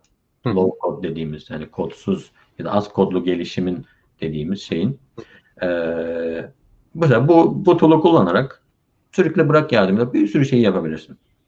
Daha sonra onu gidip cloud'a deploy edebilirsin. Daha sonra onu istediğin zaman scale edebilirsin. Tamam mı? Yani e, sınırsız. Ama gördüğün Yani gibi birinci 20 kişi 20 kişiyle belki yapacağın işi 2-3 kişiyle halledebilirsin aslında. kesinlikle. Temelinde olay bu. Kesinlikle. Bak hatta onlar bize şey olarak diyorlar ki e, Mendix mesela bu işin ilk baş, başlan yani şey yapan adam. Hı hı. E, tabii ki alıyor bu modellemede üzerinde çalıştığımız şeylerin hepsini toparlıyor, toparlıyor. Arkadaş diyor ki ben buna profesyonel bir tool yazdım. Hı hı. E, gelin kullanalım. Ve o şeyini söylüyor, manifestosunu üretiyor. Mesela birinci step gördüğün gibi model dönü, model odaklı üretim demek. Yani Hı hı. modeller üzerinden çalışacaksın her şey. Bir tane e, kullanıcı ekranın mı var? Onu bir modelleyeceksin. Mesela Hı hı. data bir yerden gidip bir yerden çıkıyor. Onu bir modelle bakalım. Tamam mı? Daha sonra eğer benim anladığım dilde modellersen diyor Mendix ben onu alırım bir tane Android uygulamasına çeviririm diyor. Hı hı. Yani gerçekten de hani Visual Studio'dan sonraki hamle oluyor da bu, bu yüzden. Yani çünkü Visual Studio oto, otomatik üretiyor bazı kodları kısımlarını. Değil mi? Bu tabii ki e, ne derler? Kaputu kaldırıp baksan bu da aynı işi yapıyor muhtemelen de. Hani kullanıcıya ne kadar az çaktırmıyorsa bu işi e, haliyle o kadar kaliteli bir şirket şey olmuş oluyor. Mesela bu Mendix dediğim şirketin şu an 100 milyon dolardan fazla cirosu var. Hı. Ve enterprise olarak şirketlere şey sağlıyor. Evet, senin kullanıcıların uygulama üretsinler. Kendileri kullanacakları uygulamalar üretsinler yani. Bildiğim kadarıyla e, cloud provider'lar da yani Amazon, işte Microsoft, Google da bu sektöre girdi. Kesinlikle hepsinin hatta ben şu an onları araştırıyordum. Hepsinin bir tane şey karşılığı var. Mendix'e alternatif olacak Hı hı. e, kodsuz veya az kodlu geliştirme ortamı sağlamışlığı var. Hı hı. Bu bunu anlatıyordu. Ee, şimdi makaleye geri dönersek biz bu işin neresindeyiz? Ee, dediğim gibi biz aslında eğitim tarafına odaklandık daha çok. Dedik hani şeyi öğretmektense buna e, şunu öğretmektense modellemenin tabanlarını öğretelim. Tamam mı? Çünkü belli ki şu biraz eski bir sistem. Hı. Ee, onu yenilemeleri için en azından taze beyinler başka bir şeyler de öğrensinler. Belki ileride onlar bulurlar şeyin yolunu diye. Ee, bu makaleyi yazdık. Şimdi bir sonraki adım bizim zaman limitimiz var mı bu arada? Um, yani Sabaha kadar konuş. sabaha kadar konuşursak muhtemelen bayılanlar olabilir. Tamam. Senin vaktin varsa sorun yok.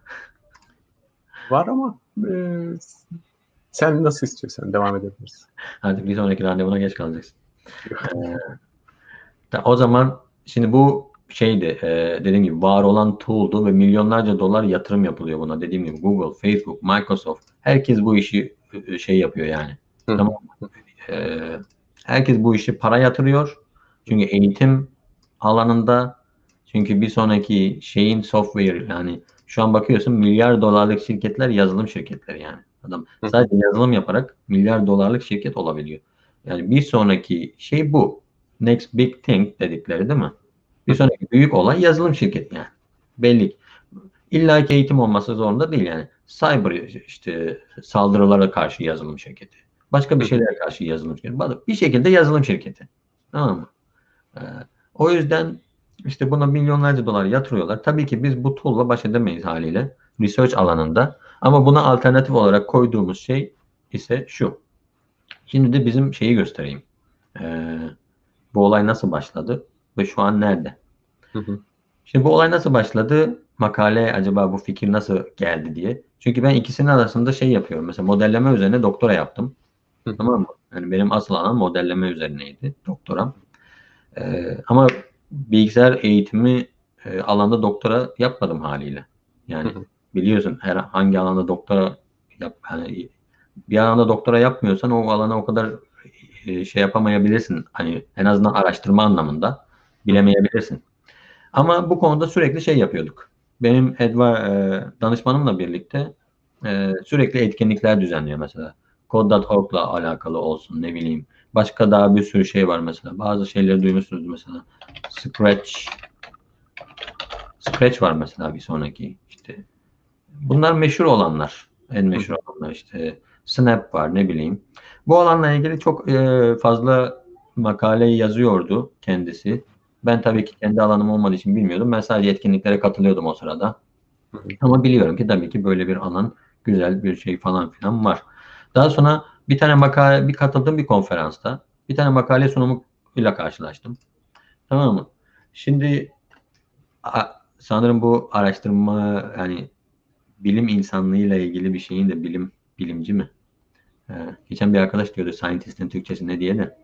Ee, insanı. Bilim insanı hani olur mu böyle gender şey olmasın diye. Böyle bilim insanı. Cinsiyeti. Daha sonra arkadaş bilimci demişti. Hmm. Daha hoşuma gitmişti tabii. Neyse. Bir bilimci olarak aslında en kötü taraflardan bir tanesi de bu sürekli her olaya baktığında kafanda hala araştırma konun var. Tamam mı? Yani durduramıyorsun yani mesela saat 5'te şalteri kapatıp gideyim diyemiyorsun yani. Ha. Bu konferansa da gittim. Arkadaş Blockly'den bir şey kullanmışlar. Burada bir blok dilinden bir şey yapıyorlar. Tamam mı? O zaman dedim yani bunlar bunu kullanmışlar Blockly için. Çünkü Hı. blok tabanlı dillerin tek yaptığı şu an tamam mı? Şu blok tabanlı dillerin tek yaptığı adam text yazmasın. Yani yazı olarak yazmasın kodu. Sürükle bırak yazsın. Hı. Tamam mı? Çünkü birçok sistemde şunu da görebiliyorsun. Bana kodunu ver dediğim an kodunu veriyor.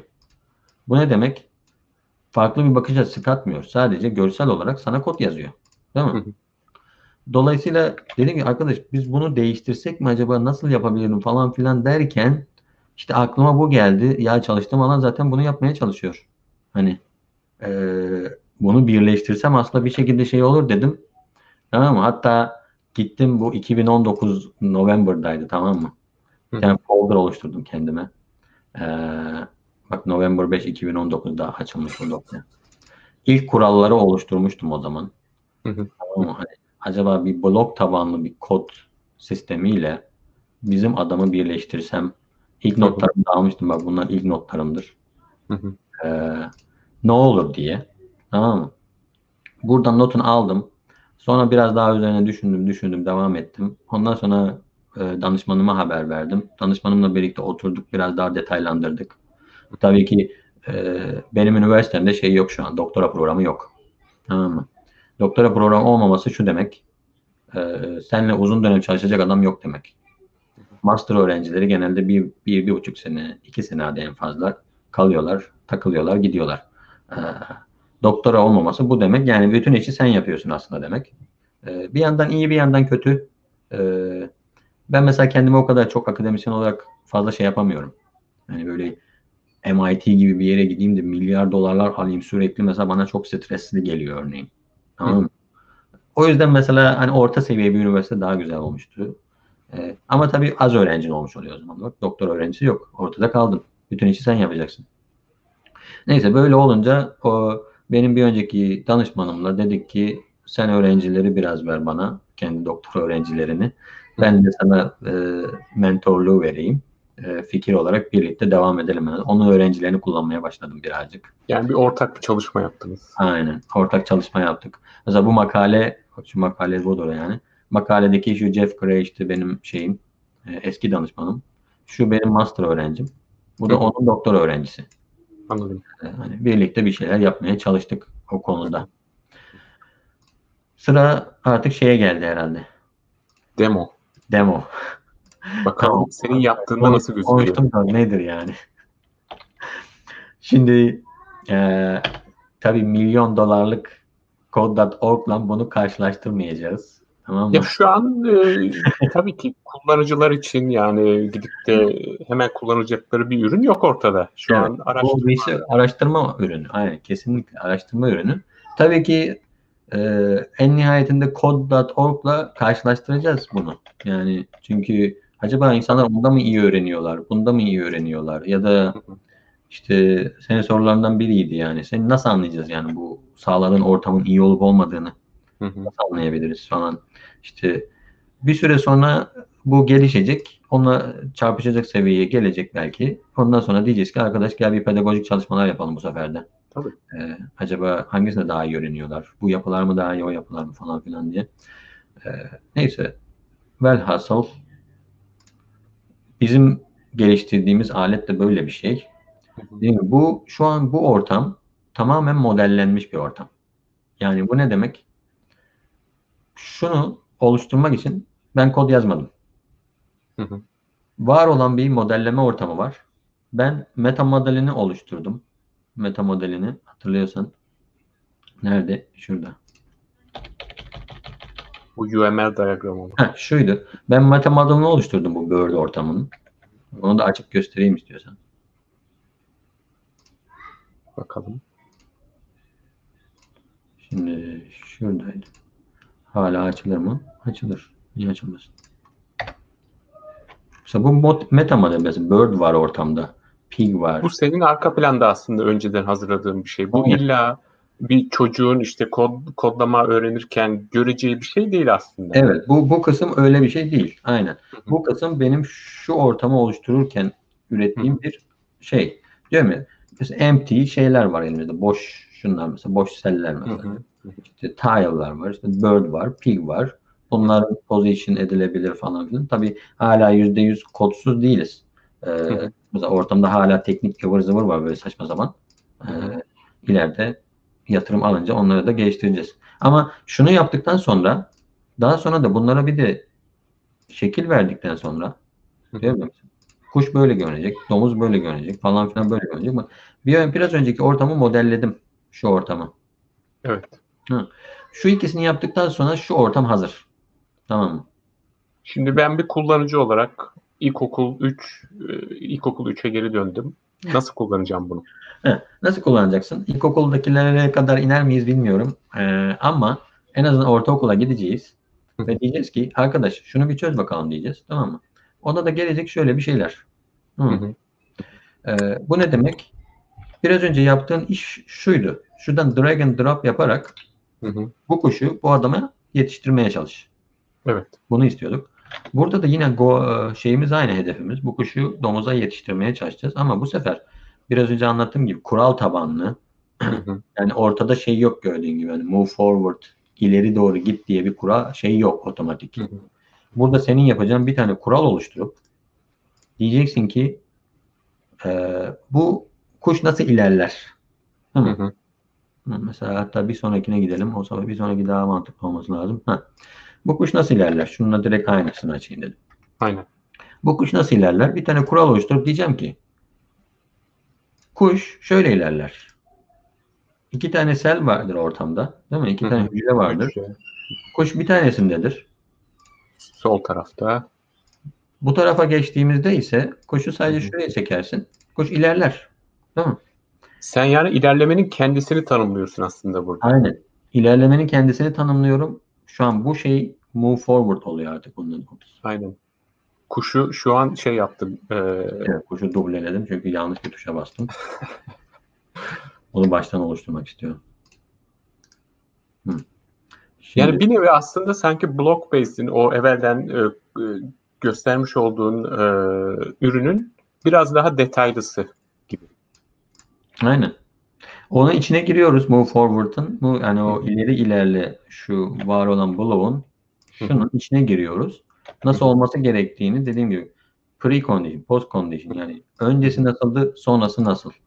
Kuş bu yani bu şu demek bizim arkada aslında dediğim gibi bir, bir şey çalışıyor haliyle bir model dönüşüm e, şeyi çalışıyor. Bu şu demek önce şuraya git şunu bir ara bakalım var mı bu? Hı hı. O diyecek ki var burada. O zaman onu bulduysan şunu yap onu. Yani onu ona çevir. Hı hı. Bunu- O bir kere çevir. Şu bir o demek oluyor. Bir kere çevir. Ama diyebilir ki arkadaş 3-5 kere çevir. Diyebilir. Yani bunu artık run edince de umarım canlı yayında patlamayacaktır. Ee, biliyorsun de demo şeyler canlı yayında patlar. Aynen. Demoların böyle bir tehlikesi vardır. Tabii benzer şey burada var. Ee, mesela kuş şimdi mesela domuzu yakalayamadı haliyle biz şu an geri kalan kuralları şey yapmadığımız için.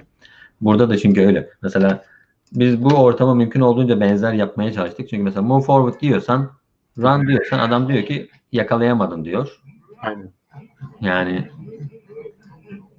tekrar yap diyor yani. Biraz Hı. daha bir şey kullan diyor. Beceremedim diyor. Eksik. Aynen. Ee, beceremedim diyor. Biraz daha denemek ister misin diyor. Hı. İstiyorsan deneyebilirsin. İstiyorsan baştan döv, istiyorsan sıfırdan başlarsın falan. Güzel, gayet güzel duruyor. Yani farklı bir yaklaşım. Ee... Aynen. İşte daha sonra makalede bahsettiğimiz şeylerden bir tanesi de buydu. Ee, ortamı modelledik. Mesela meta adımını e, oluşturarak yani elemanlar nelerdir? Onlar nasıl görünürler? Tabii gördüğün gibi makalede biraz daha ilginç bu şeyler. Detaylı. Şekiller daha ilginç. Bu da copyright'tan dolayı. o Code.org'daki hayvanlar değil bunlar. Angry Birds değil de Angara Birds. yani ben Calm Bird diye değiştirmiştim de. Bundan fazla Angry falan değil. Ee, ama aynı şekilde şeyi de modelliyorsun. Ee, şurada kullandığımız mesela rule'lar. Mesela kural oluşturuyorsun. Kurallar içine farklı şeyler alabiliyor falan. Ya da başka kural daha koyabilirsin buraya. Bunlar arda da gidebilir falan filan. Ee, bunu da modelliyorsun. Böyle değişik çözümleri yaptık makalede. Hı hı. Makale o yüzden Legion makalesi. Yani bunu gösterdik. Yapılabilir dedik. Feasible dedik. Tamam mı? Daha sonra da ne yapabilirsin? Yani bir çünkü Vision makalelerinde böyle bir şey istiyorlar. Yani tamam bunun üzerine ne kat çıkabilir diğer bilim adamları, bilim insan, bilimciler. Bilimciler bunun üzerine ne kat çıkabilirler? Yani tabii ki birinci şey olarak e, acaba bunun pedagojik olarak şeyi nedir? Acaba öğrenciler bunda mı daha kolay öğreniyorlar? Acaba onda mı daha kolay öğreniyorlar? Çünkü biz computing yani öğretiyoruz aslında. Hani bu programlama dediği if else'leri öğretmiyoruz. Hı hı. Farklı bir tarz öğretiyoruz. Acaba hangisinde daha iyidir falan filan. İşte bu başlı başına bir alan. Tamam. Bu sen sormuşsun mesela eğitimciler var mı bu işin içinde diye. Var. Bu alanda e, eğitimciler var direkt. Yani bu aslında bir nevi sen şu an şeyden bahsediyorsun. Ya biz bunu ortaya koyduk. Yani böyle bir şey yapılabilir. Evet. Bunun sonrasında illa bilgisayar biliminde değil belki de pedagojide bile e, bu makaleyle alakalı çalışmalar olabilir. Hı hı, kesinlikle yani hangisi daha iyidir bilgisayar bilimi eğitmek için ya da eğitmek için yani illa ki. Çünkü farklı bir bakış açısı sağlıyor. Hani e, öncesi neydi sonrası neydi düşünmesi gerekiyor öğrencinin mesela. E, Planların dahilinde peki? Yani beraber çalıştığın bir pedagog ya da bir kurum var mı? İşte kurum olarak e, mesela şu an şey var. E, şimdi bu bu tool'u niçin yaptık biz? Ben onu söyleyeyim. Bu tool'u e, şimdi proje normalde 15 bin dolar ilk, ilk olarak bir yatırım aldı şeyden. Hı hı. Üniversiteden. Hı hı. Yani 15 bin dolar dediler ki verdiler bu yaz dedi sen buna uğraş. Bizim üniversite bana öyle dedi. Uğraştık biz de iki öğrenciyle beraber. Ee, hani bunu bu haline getirdik. Şimdi ne yapacağız? Bunu götüreceğiz. Bizim burada işte robot, programlama vesaire e, kampları yapan bir kurum var. Hı. Akademi böyle. İşte lise öğrencilerine, ortaokul öğrencilerine böyle şeyler yapıyorlar. Robotlama öyle işte ne biçim öyle şeyler öğretiyorlar sürekli. Böyle teknik şeyler öğretiyorlar. Hı hı. Biz bu tool'u ve var olan bunu iki yani öğrencilere diyeceğiz ki kullanın arkadaşlar. Daha sonra bize de e, bir geri dönüşüm verin. Acaba nedir yani? E, hangisi daha iyidir? Alışabildiniz mi? Alışamadınız mı? Vesaire diye böyle küçük bir e, hemen bir anket. Tamam mı? İkisini de kullanıp ikilisini karşılaştıracaklar. Ama dediğim gibi tabii şu an biz bununla compete edemezsin. Dediğim gibi milyon dolarlık. O yüzden direkt compete etmiyorsun. Sadece hani yapılabilir mi yapılamaz mı? Hani acaba öğrenciler nasıl karşıladılar? E, gibi bir çalışma yapacağız önden öğrencilere yapabilirsin ya da farklı sektörlere e, belki bunu sunabilirsin. Onların tepkilerini alabilirsin. Belki de ona göre bu ürünü geliştirebilirsin. Ona evrimleştirebilirsin yani. İşte zaten ilk ilk çalışma dediğim gibi acaba bu öğrenciler bunu nasıl karşılayacaklar? Dediğim çünkü Hı. amaç öğrenciler şu şu öğrenciler için olduğundan dolayı bu da öğrenciler için. Hı. Öğrenciler nasıl karşılayacaklar? Daha sonraki plan yani bir iki ay içinde bu çalışmayı yapacağız biz. Şu an e, üniversitede onaylanma aşamasında biliyorsun üniversitede e, bir insanla çalışacaksan bir onay sürecinden geçmen gerekiyor. Evet. Yani özellikle bu ilkokul, ortaokul, lise seviyesinde biri ise o onay süreci daha sıkıntılı ve daha uzun. Yani bir sürü şeye bakıyorlar sen sana izin verene kadar ki e, gördüğün gibi psikolojik bir şey de yapmıyoruz. Yani sadece evet. bir yazılım kullanacaklar ama ona rağmen onay süreci uzun. Onu bekliyoruz. Bir iki ay içinde muhtemelen bu çalışmayı yaparız. Bu çalışma yapılınca ondan sonra bir makale yazacağız. Diyeceğiz ki arkadaş sonuçları böyle böyledir. Biz şöyle şöyle şeyler bulduk vesaire falan diye bir makale yayınlayacağız. Gelecek senede bu tool'u daha profesyonel geliştirmek için bu sefer e, NSF proje yazacağız. NSF buranın bir nevi TÜBİTAK'ı gibi. Aynen. NSF buranın TÜBİTAK'ı. E, yani şu an görünen o ki biz küçük seviye bir projeyi yapacağız. 300 bin dolar tarzı bir şeyle. E, en azından ona karar verdik. E, dediğim gibi bu işin içinde tabii e, hani benim lead ettiğim tabii benim sürüklediğim şey ama e, haliyle eğitimciler var, e, öğrenciler var. İşte mesela öğrencilere ulaşacak insanlar var. Tabii. Çalışmalar yapabilmek için. İşte benim eski danışman var. O da yine danışmanlık koltuğunda bir insan olarak bize fikir veriyor. Hangi yönde gidebiliriz bu alanın uzmanı olarak. Peki bu cidden artık çok vaktini ayırman gereken bir şirkete dönüşürse o zaman e, ne yapmayı düşünüyorsun? E, ya bu, bu şu an şirket olacak bir şey değil. Neden? E, yani ileride de olacak bir şey değil. E, ama adamlar derse ki mesela kod şöyle olabilir. Code.org gelip derse ki arkadaş sizin e, şey iyiymiş. Yani biz de entegre edelim bizimkine. E, bu tarzı da öğretmeye başlayalım falan. E, o tarz bir şeye dönüşebilir. E, yani böyle çünkü son kullanıcıya satacağım bir şey yok ortada pek açıkçası. E, sadece dediğim gibi biz makaleyi yazıyorsun. Teorik olarak makaledeki olan bilgiler ortada zaten hani Code.org'daki adamlar da alıp bunu implement edebilirler istiyorlarsa. Ee, onun sonuçta sınırsız kaynakları vesaireleri vesaireleri var. Ee, bizim yapacağımız ama bu işin ana çalışmasını yapıp ilk şeylerini üretip belki ilk e, fonlamalarını falan filanlarını alıp asıl makaleleri yayınlamak.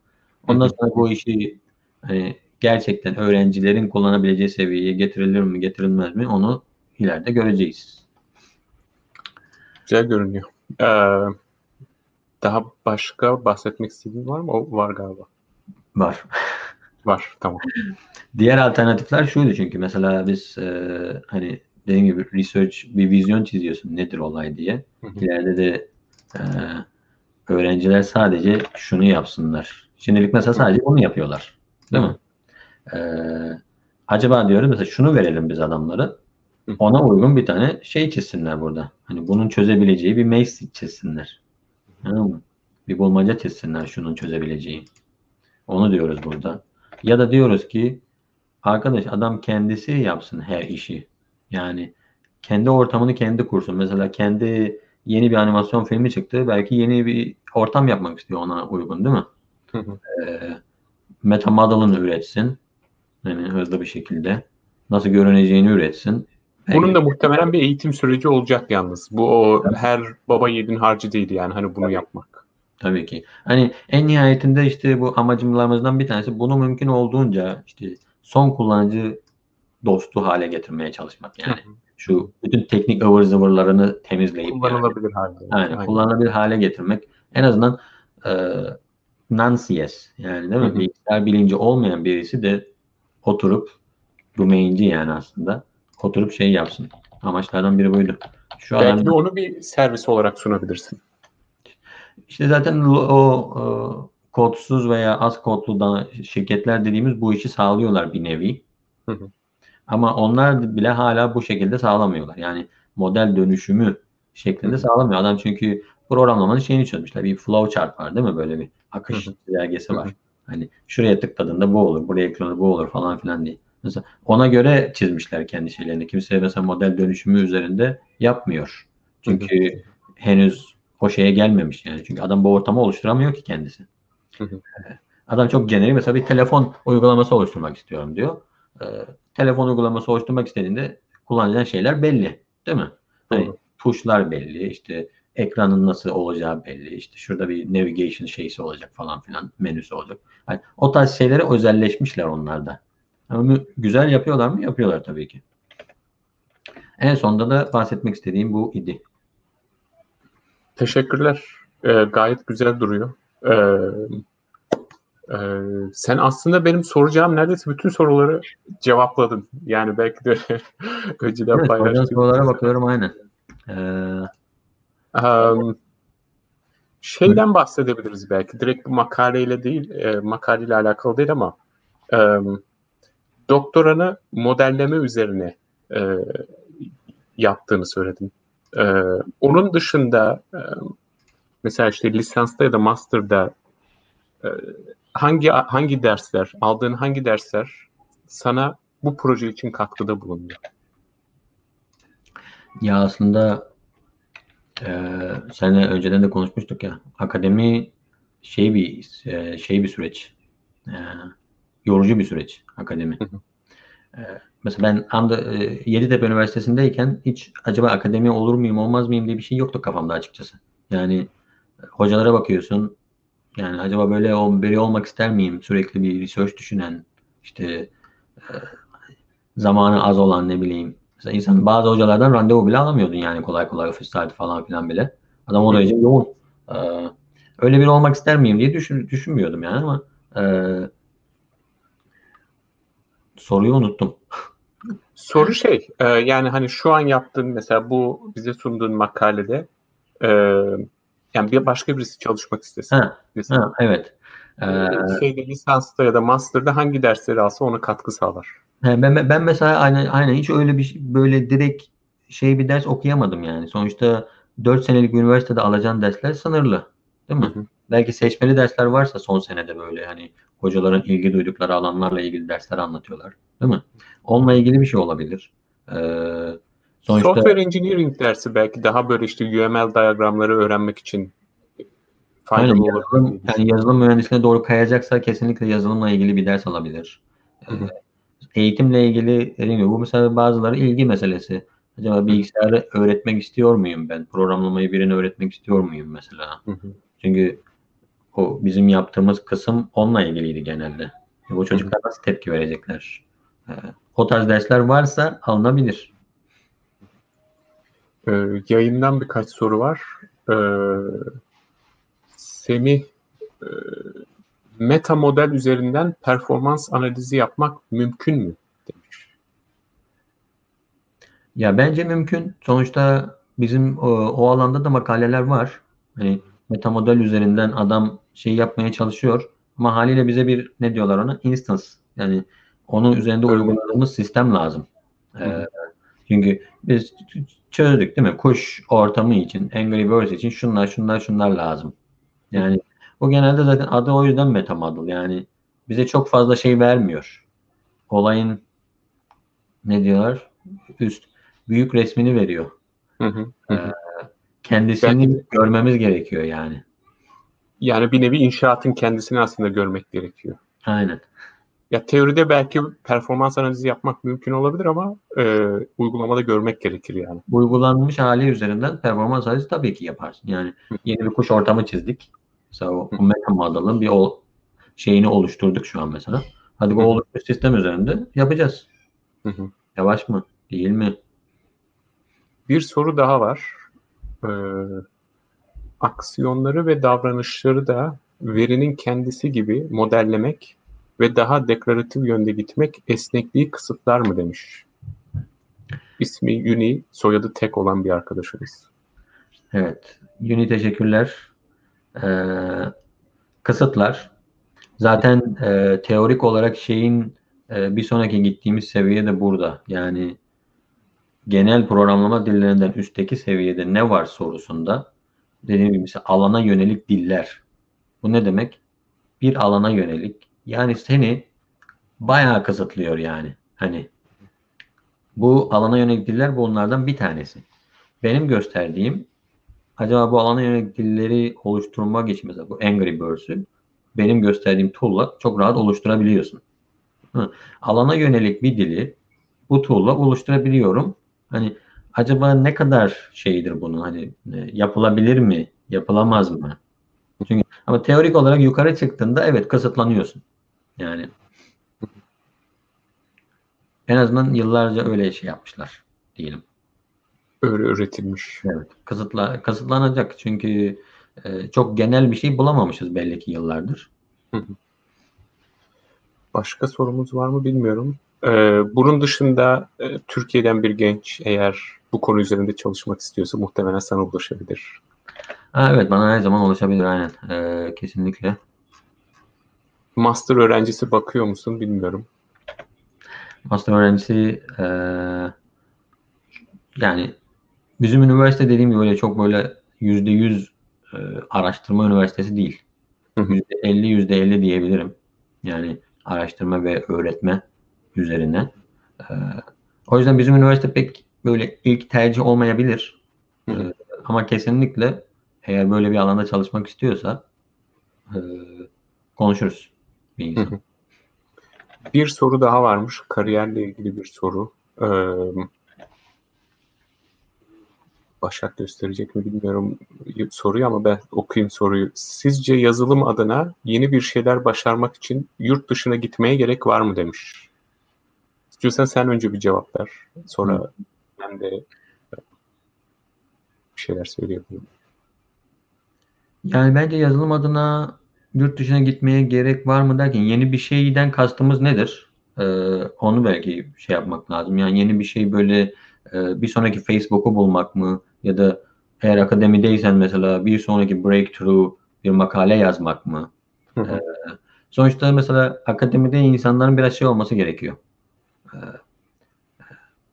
ne diyelim? Stres olmaması lazım. Düşün, düşünüyorsun çünkü sürekli. Mesela acaba yeni bir şey ne yapabilirim? Var olanların nesi eksik ki ben yeni bir şey yapayım değil mi? Böyle bir az stres olacak. Sana böyle güzel bir ortam sağlayacak. Mesela üniversite seni o konuda doyurmaya çalışacak yani. Ama sürekli günlük şeylerin içindeysen e, belki o yüzden bilmiyorum yurt dışına gitmeye gerek var mı'dan kasıt o olabilir belki. Sürekli günlük böyle bir stres halindeysen yani çevrende hiç iyi bir şey olmuyorsa yani sürekli kötü haberler duyuyorsan tabii bir süre sonra işine odaklanamazsın ki. Bana herhalde o soruyu öyle cevaplayabilirdim. Yani yazılım adına değil herhangi bir şey adına çevreni böyle birazcık temizlemen gerekiyor. O, o, o ilginç bir durum. Yani soruya cevap vermeden önce e, sebebini tam olarak anlayamıyorum ama mesela buradayken e, yani Amerika'dayken belki de Avrupa'da da öyledir. E, günlük yaşantıda e, kafa biraz boş durabiliyor. Şey düşünebiliyorsun ama ya şunu şöyle yapsam nasıl olur falan diyorsun. E, bir şekilde o fırsatı bulabiliyorsun. Ama nedense mesela Türkiye'de o işte havalimanından indiğin andan itibaren o kargaşaya sen de giriyorsun. En azından İstanbul'da. Bu tip arka planda işte kendi işinle alakalı bir şeyler düşünmek için bir fırsatın olmuyor. Ama e, soruya gelecek olursak e, yazılım adına yeni bir şeyler başarmak için yurt dışına gitmeye gerek var mı? Şimdi başarmaktan kastı eğer senin dediğin gibi böyle yeni bir şirket kurmaksa etmekse şimdi Türkiye'de de bildiğim kadarıyla startup ortamı gelişmeye başlıyor. Belki de gelişiyor. O çok konuda, o konuda çok bilgili değilim. Ee, Amerika'da bu ortam hali hazırda var. Ee, Amerika'da bence daha kritik olan şey e, yani startup'ınızın başarılı olması gerek olması için en önemli şey bence para, yatırım. Amerika'da da bu ortam var. Ee, belki de e, ya o yüzden sırf eğer böyle yeni bir şey başarmaktan kastınız yeni bir şirket kurmaksa, yeni bir şey ortaya çıkarmaksa Amerika daha uygun bir ortam. Ha, Türkiye'de yapabilirsin, yapabilirsin. Belki de olasılığı düşük, düşük olur. Onun dışında bence e, bu Covid'den itibaren, bu Covid'den dolayı evden çalıştığımız için bu hem öğrenciler hem de e, akademik e, çalışanlar ya da işte endüstride çalışanlar için şunu gösterdi. Ya gidip ofiste insanlarla bir arada bulunman güzel bir şey ama bazen çok gerekli olmayabiliyor. Evden bütün kaynaklara ulaşabiliyorsun. Bu gerek şirketin kendi bilgilerine gerekse public halka açık bilgilere. Ondan dolayı eğer soru daha çok böyle öğrenim, yeni bir şey öğrenmekse bence yer artık çok da önemli değil. Ee, kaynaklar açık ve tamamen olay sen hangisini öğrenmek istiyorsun, hangisi ne kadar zamanın var ve ne kadar öğrenmek istiyorsun. Yani olay ona geliyor. Evet, o, konuya, o konudan bakınca değil mi? Her şeyi kaynaklar ortada. Sen ne kadar zaman ayırmak istersin? Yani evet olay ona geliyor. Yani sen kaynaklar yani şimdi durduk yere ben gidip e, Farsça öğren, öğrenebilirim ama bunun bana katkısı ne? E, bir de ne kadar zaman var, ne kadar öğrenebilirim, kullanabilecek miyim? Yani önemli olan aslında sen kullanacağın kendi kariyerine ya da kendi birey olarak, insan olarak kendi hayatına ne katmak istiyorsun? Önemli olan o. E, böyle felsefik bir cevapla bitirebiliriz yani bilmiyorum. söylemek istediğin, eklemek istediğin bir şeyler var mı? Ee, senin sorduğun sorulara bakıyorum da ee, ekstradan sorduğun sorular var mı? Var mesela şey söylemişim onu DM e, şey yapmadık dokunmadık. E, sen gördüğüm kadarıyla arada birkaç kere e, endüstride de çalıştın yani şirketlerde de çalıştın. Daha sonrasında şu an e, profesör olarak devam ediyorsun. E, neden? E, ne seni etkiledi de e, sektörü bırakıp akademiye, araştırmaya döndün? Güzel bir soru. Bu çok revaçta bir soru herhalde. Yani şey olarak endüstride çok farklı şey, şirketlerde çalıştım. Uzun dönem değil tabii onlarca yıl değil ama hani kısa dönem kısa dönem bayağı şirkette çalıştım yani. R&D, IT, startup vesaire.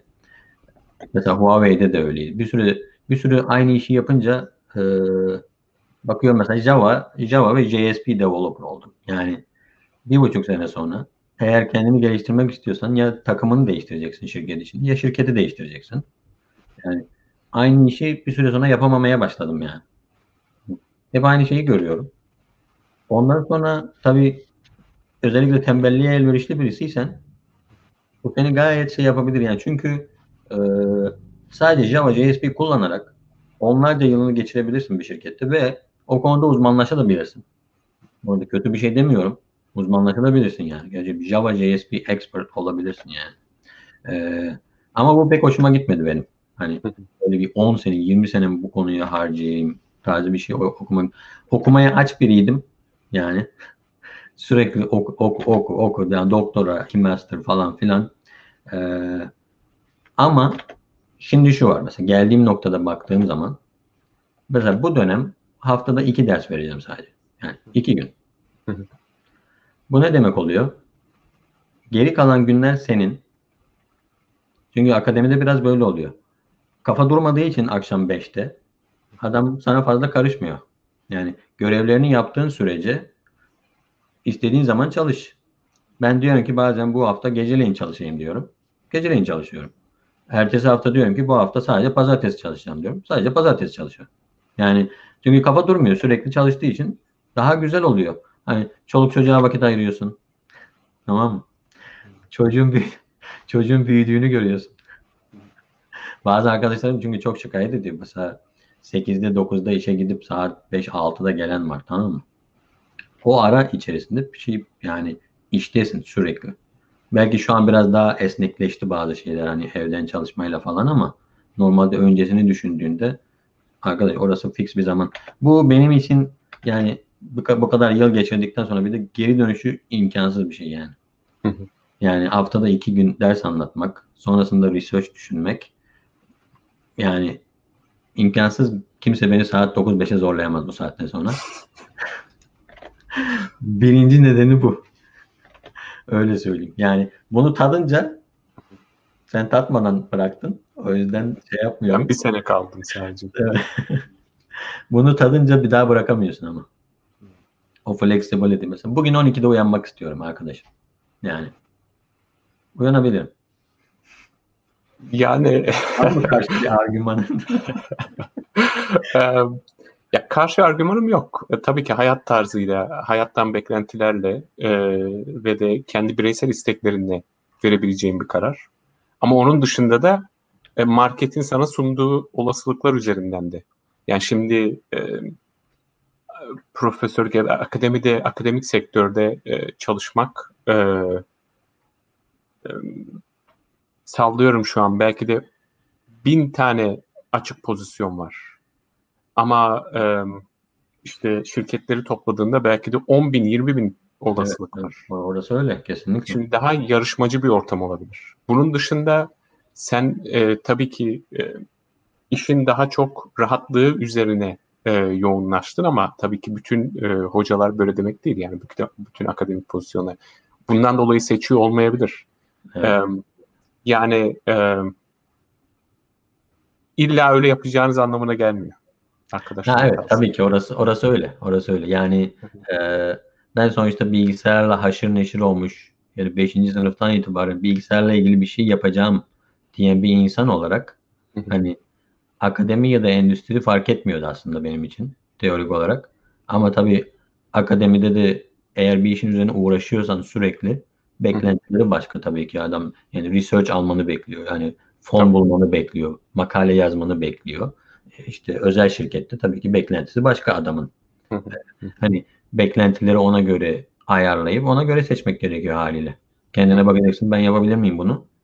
Tamam bu özgürlük vesaire vesaire var ama acaba bunu yapabilir miyim? Evet. E, iki tane kariyer sorusu var ama e, onları zaten e, cevap verdik gibi duruyor. E, yani e, kariyerle alakalı daha çok yarın bir programımız olacak. Üniversite seçmekle alakalı. E, orada daha doyurucu cevaplar e, alacağınızı düşünüyorum. Bunun dışında e, söyleyeceklerim bu kadar.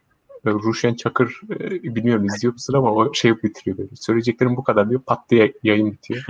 e, çok teşekkürler katıldığın için. Teşekkürler Erman ve e, arkada uğraşan Başak e, sana da teşekkürler. E, bütün yayının güzel gitmesi için uğraştı. Aynen. Teşekkürler Başak'a da. Ee, görüşmek üzere arkadaşlar. Umarız bu sefer çok kafanızı karıştırmadık. Üçüncü bölümde daha da karıştıracağız. Görüşürüz. Görüşürüz.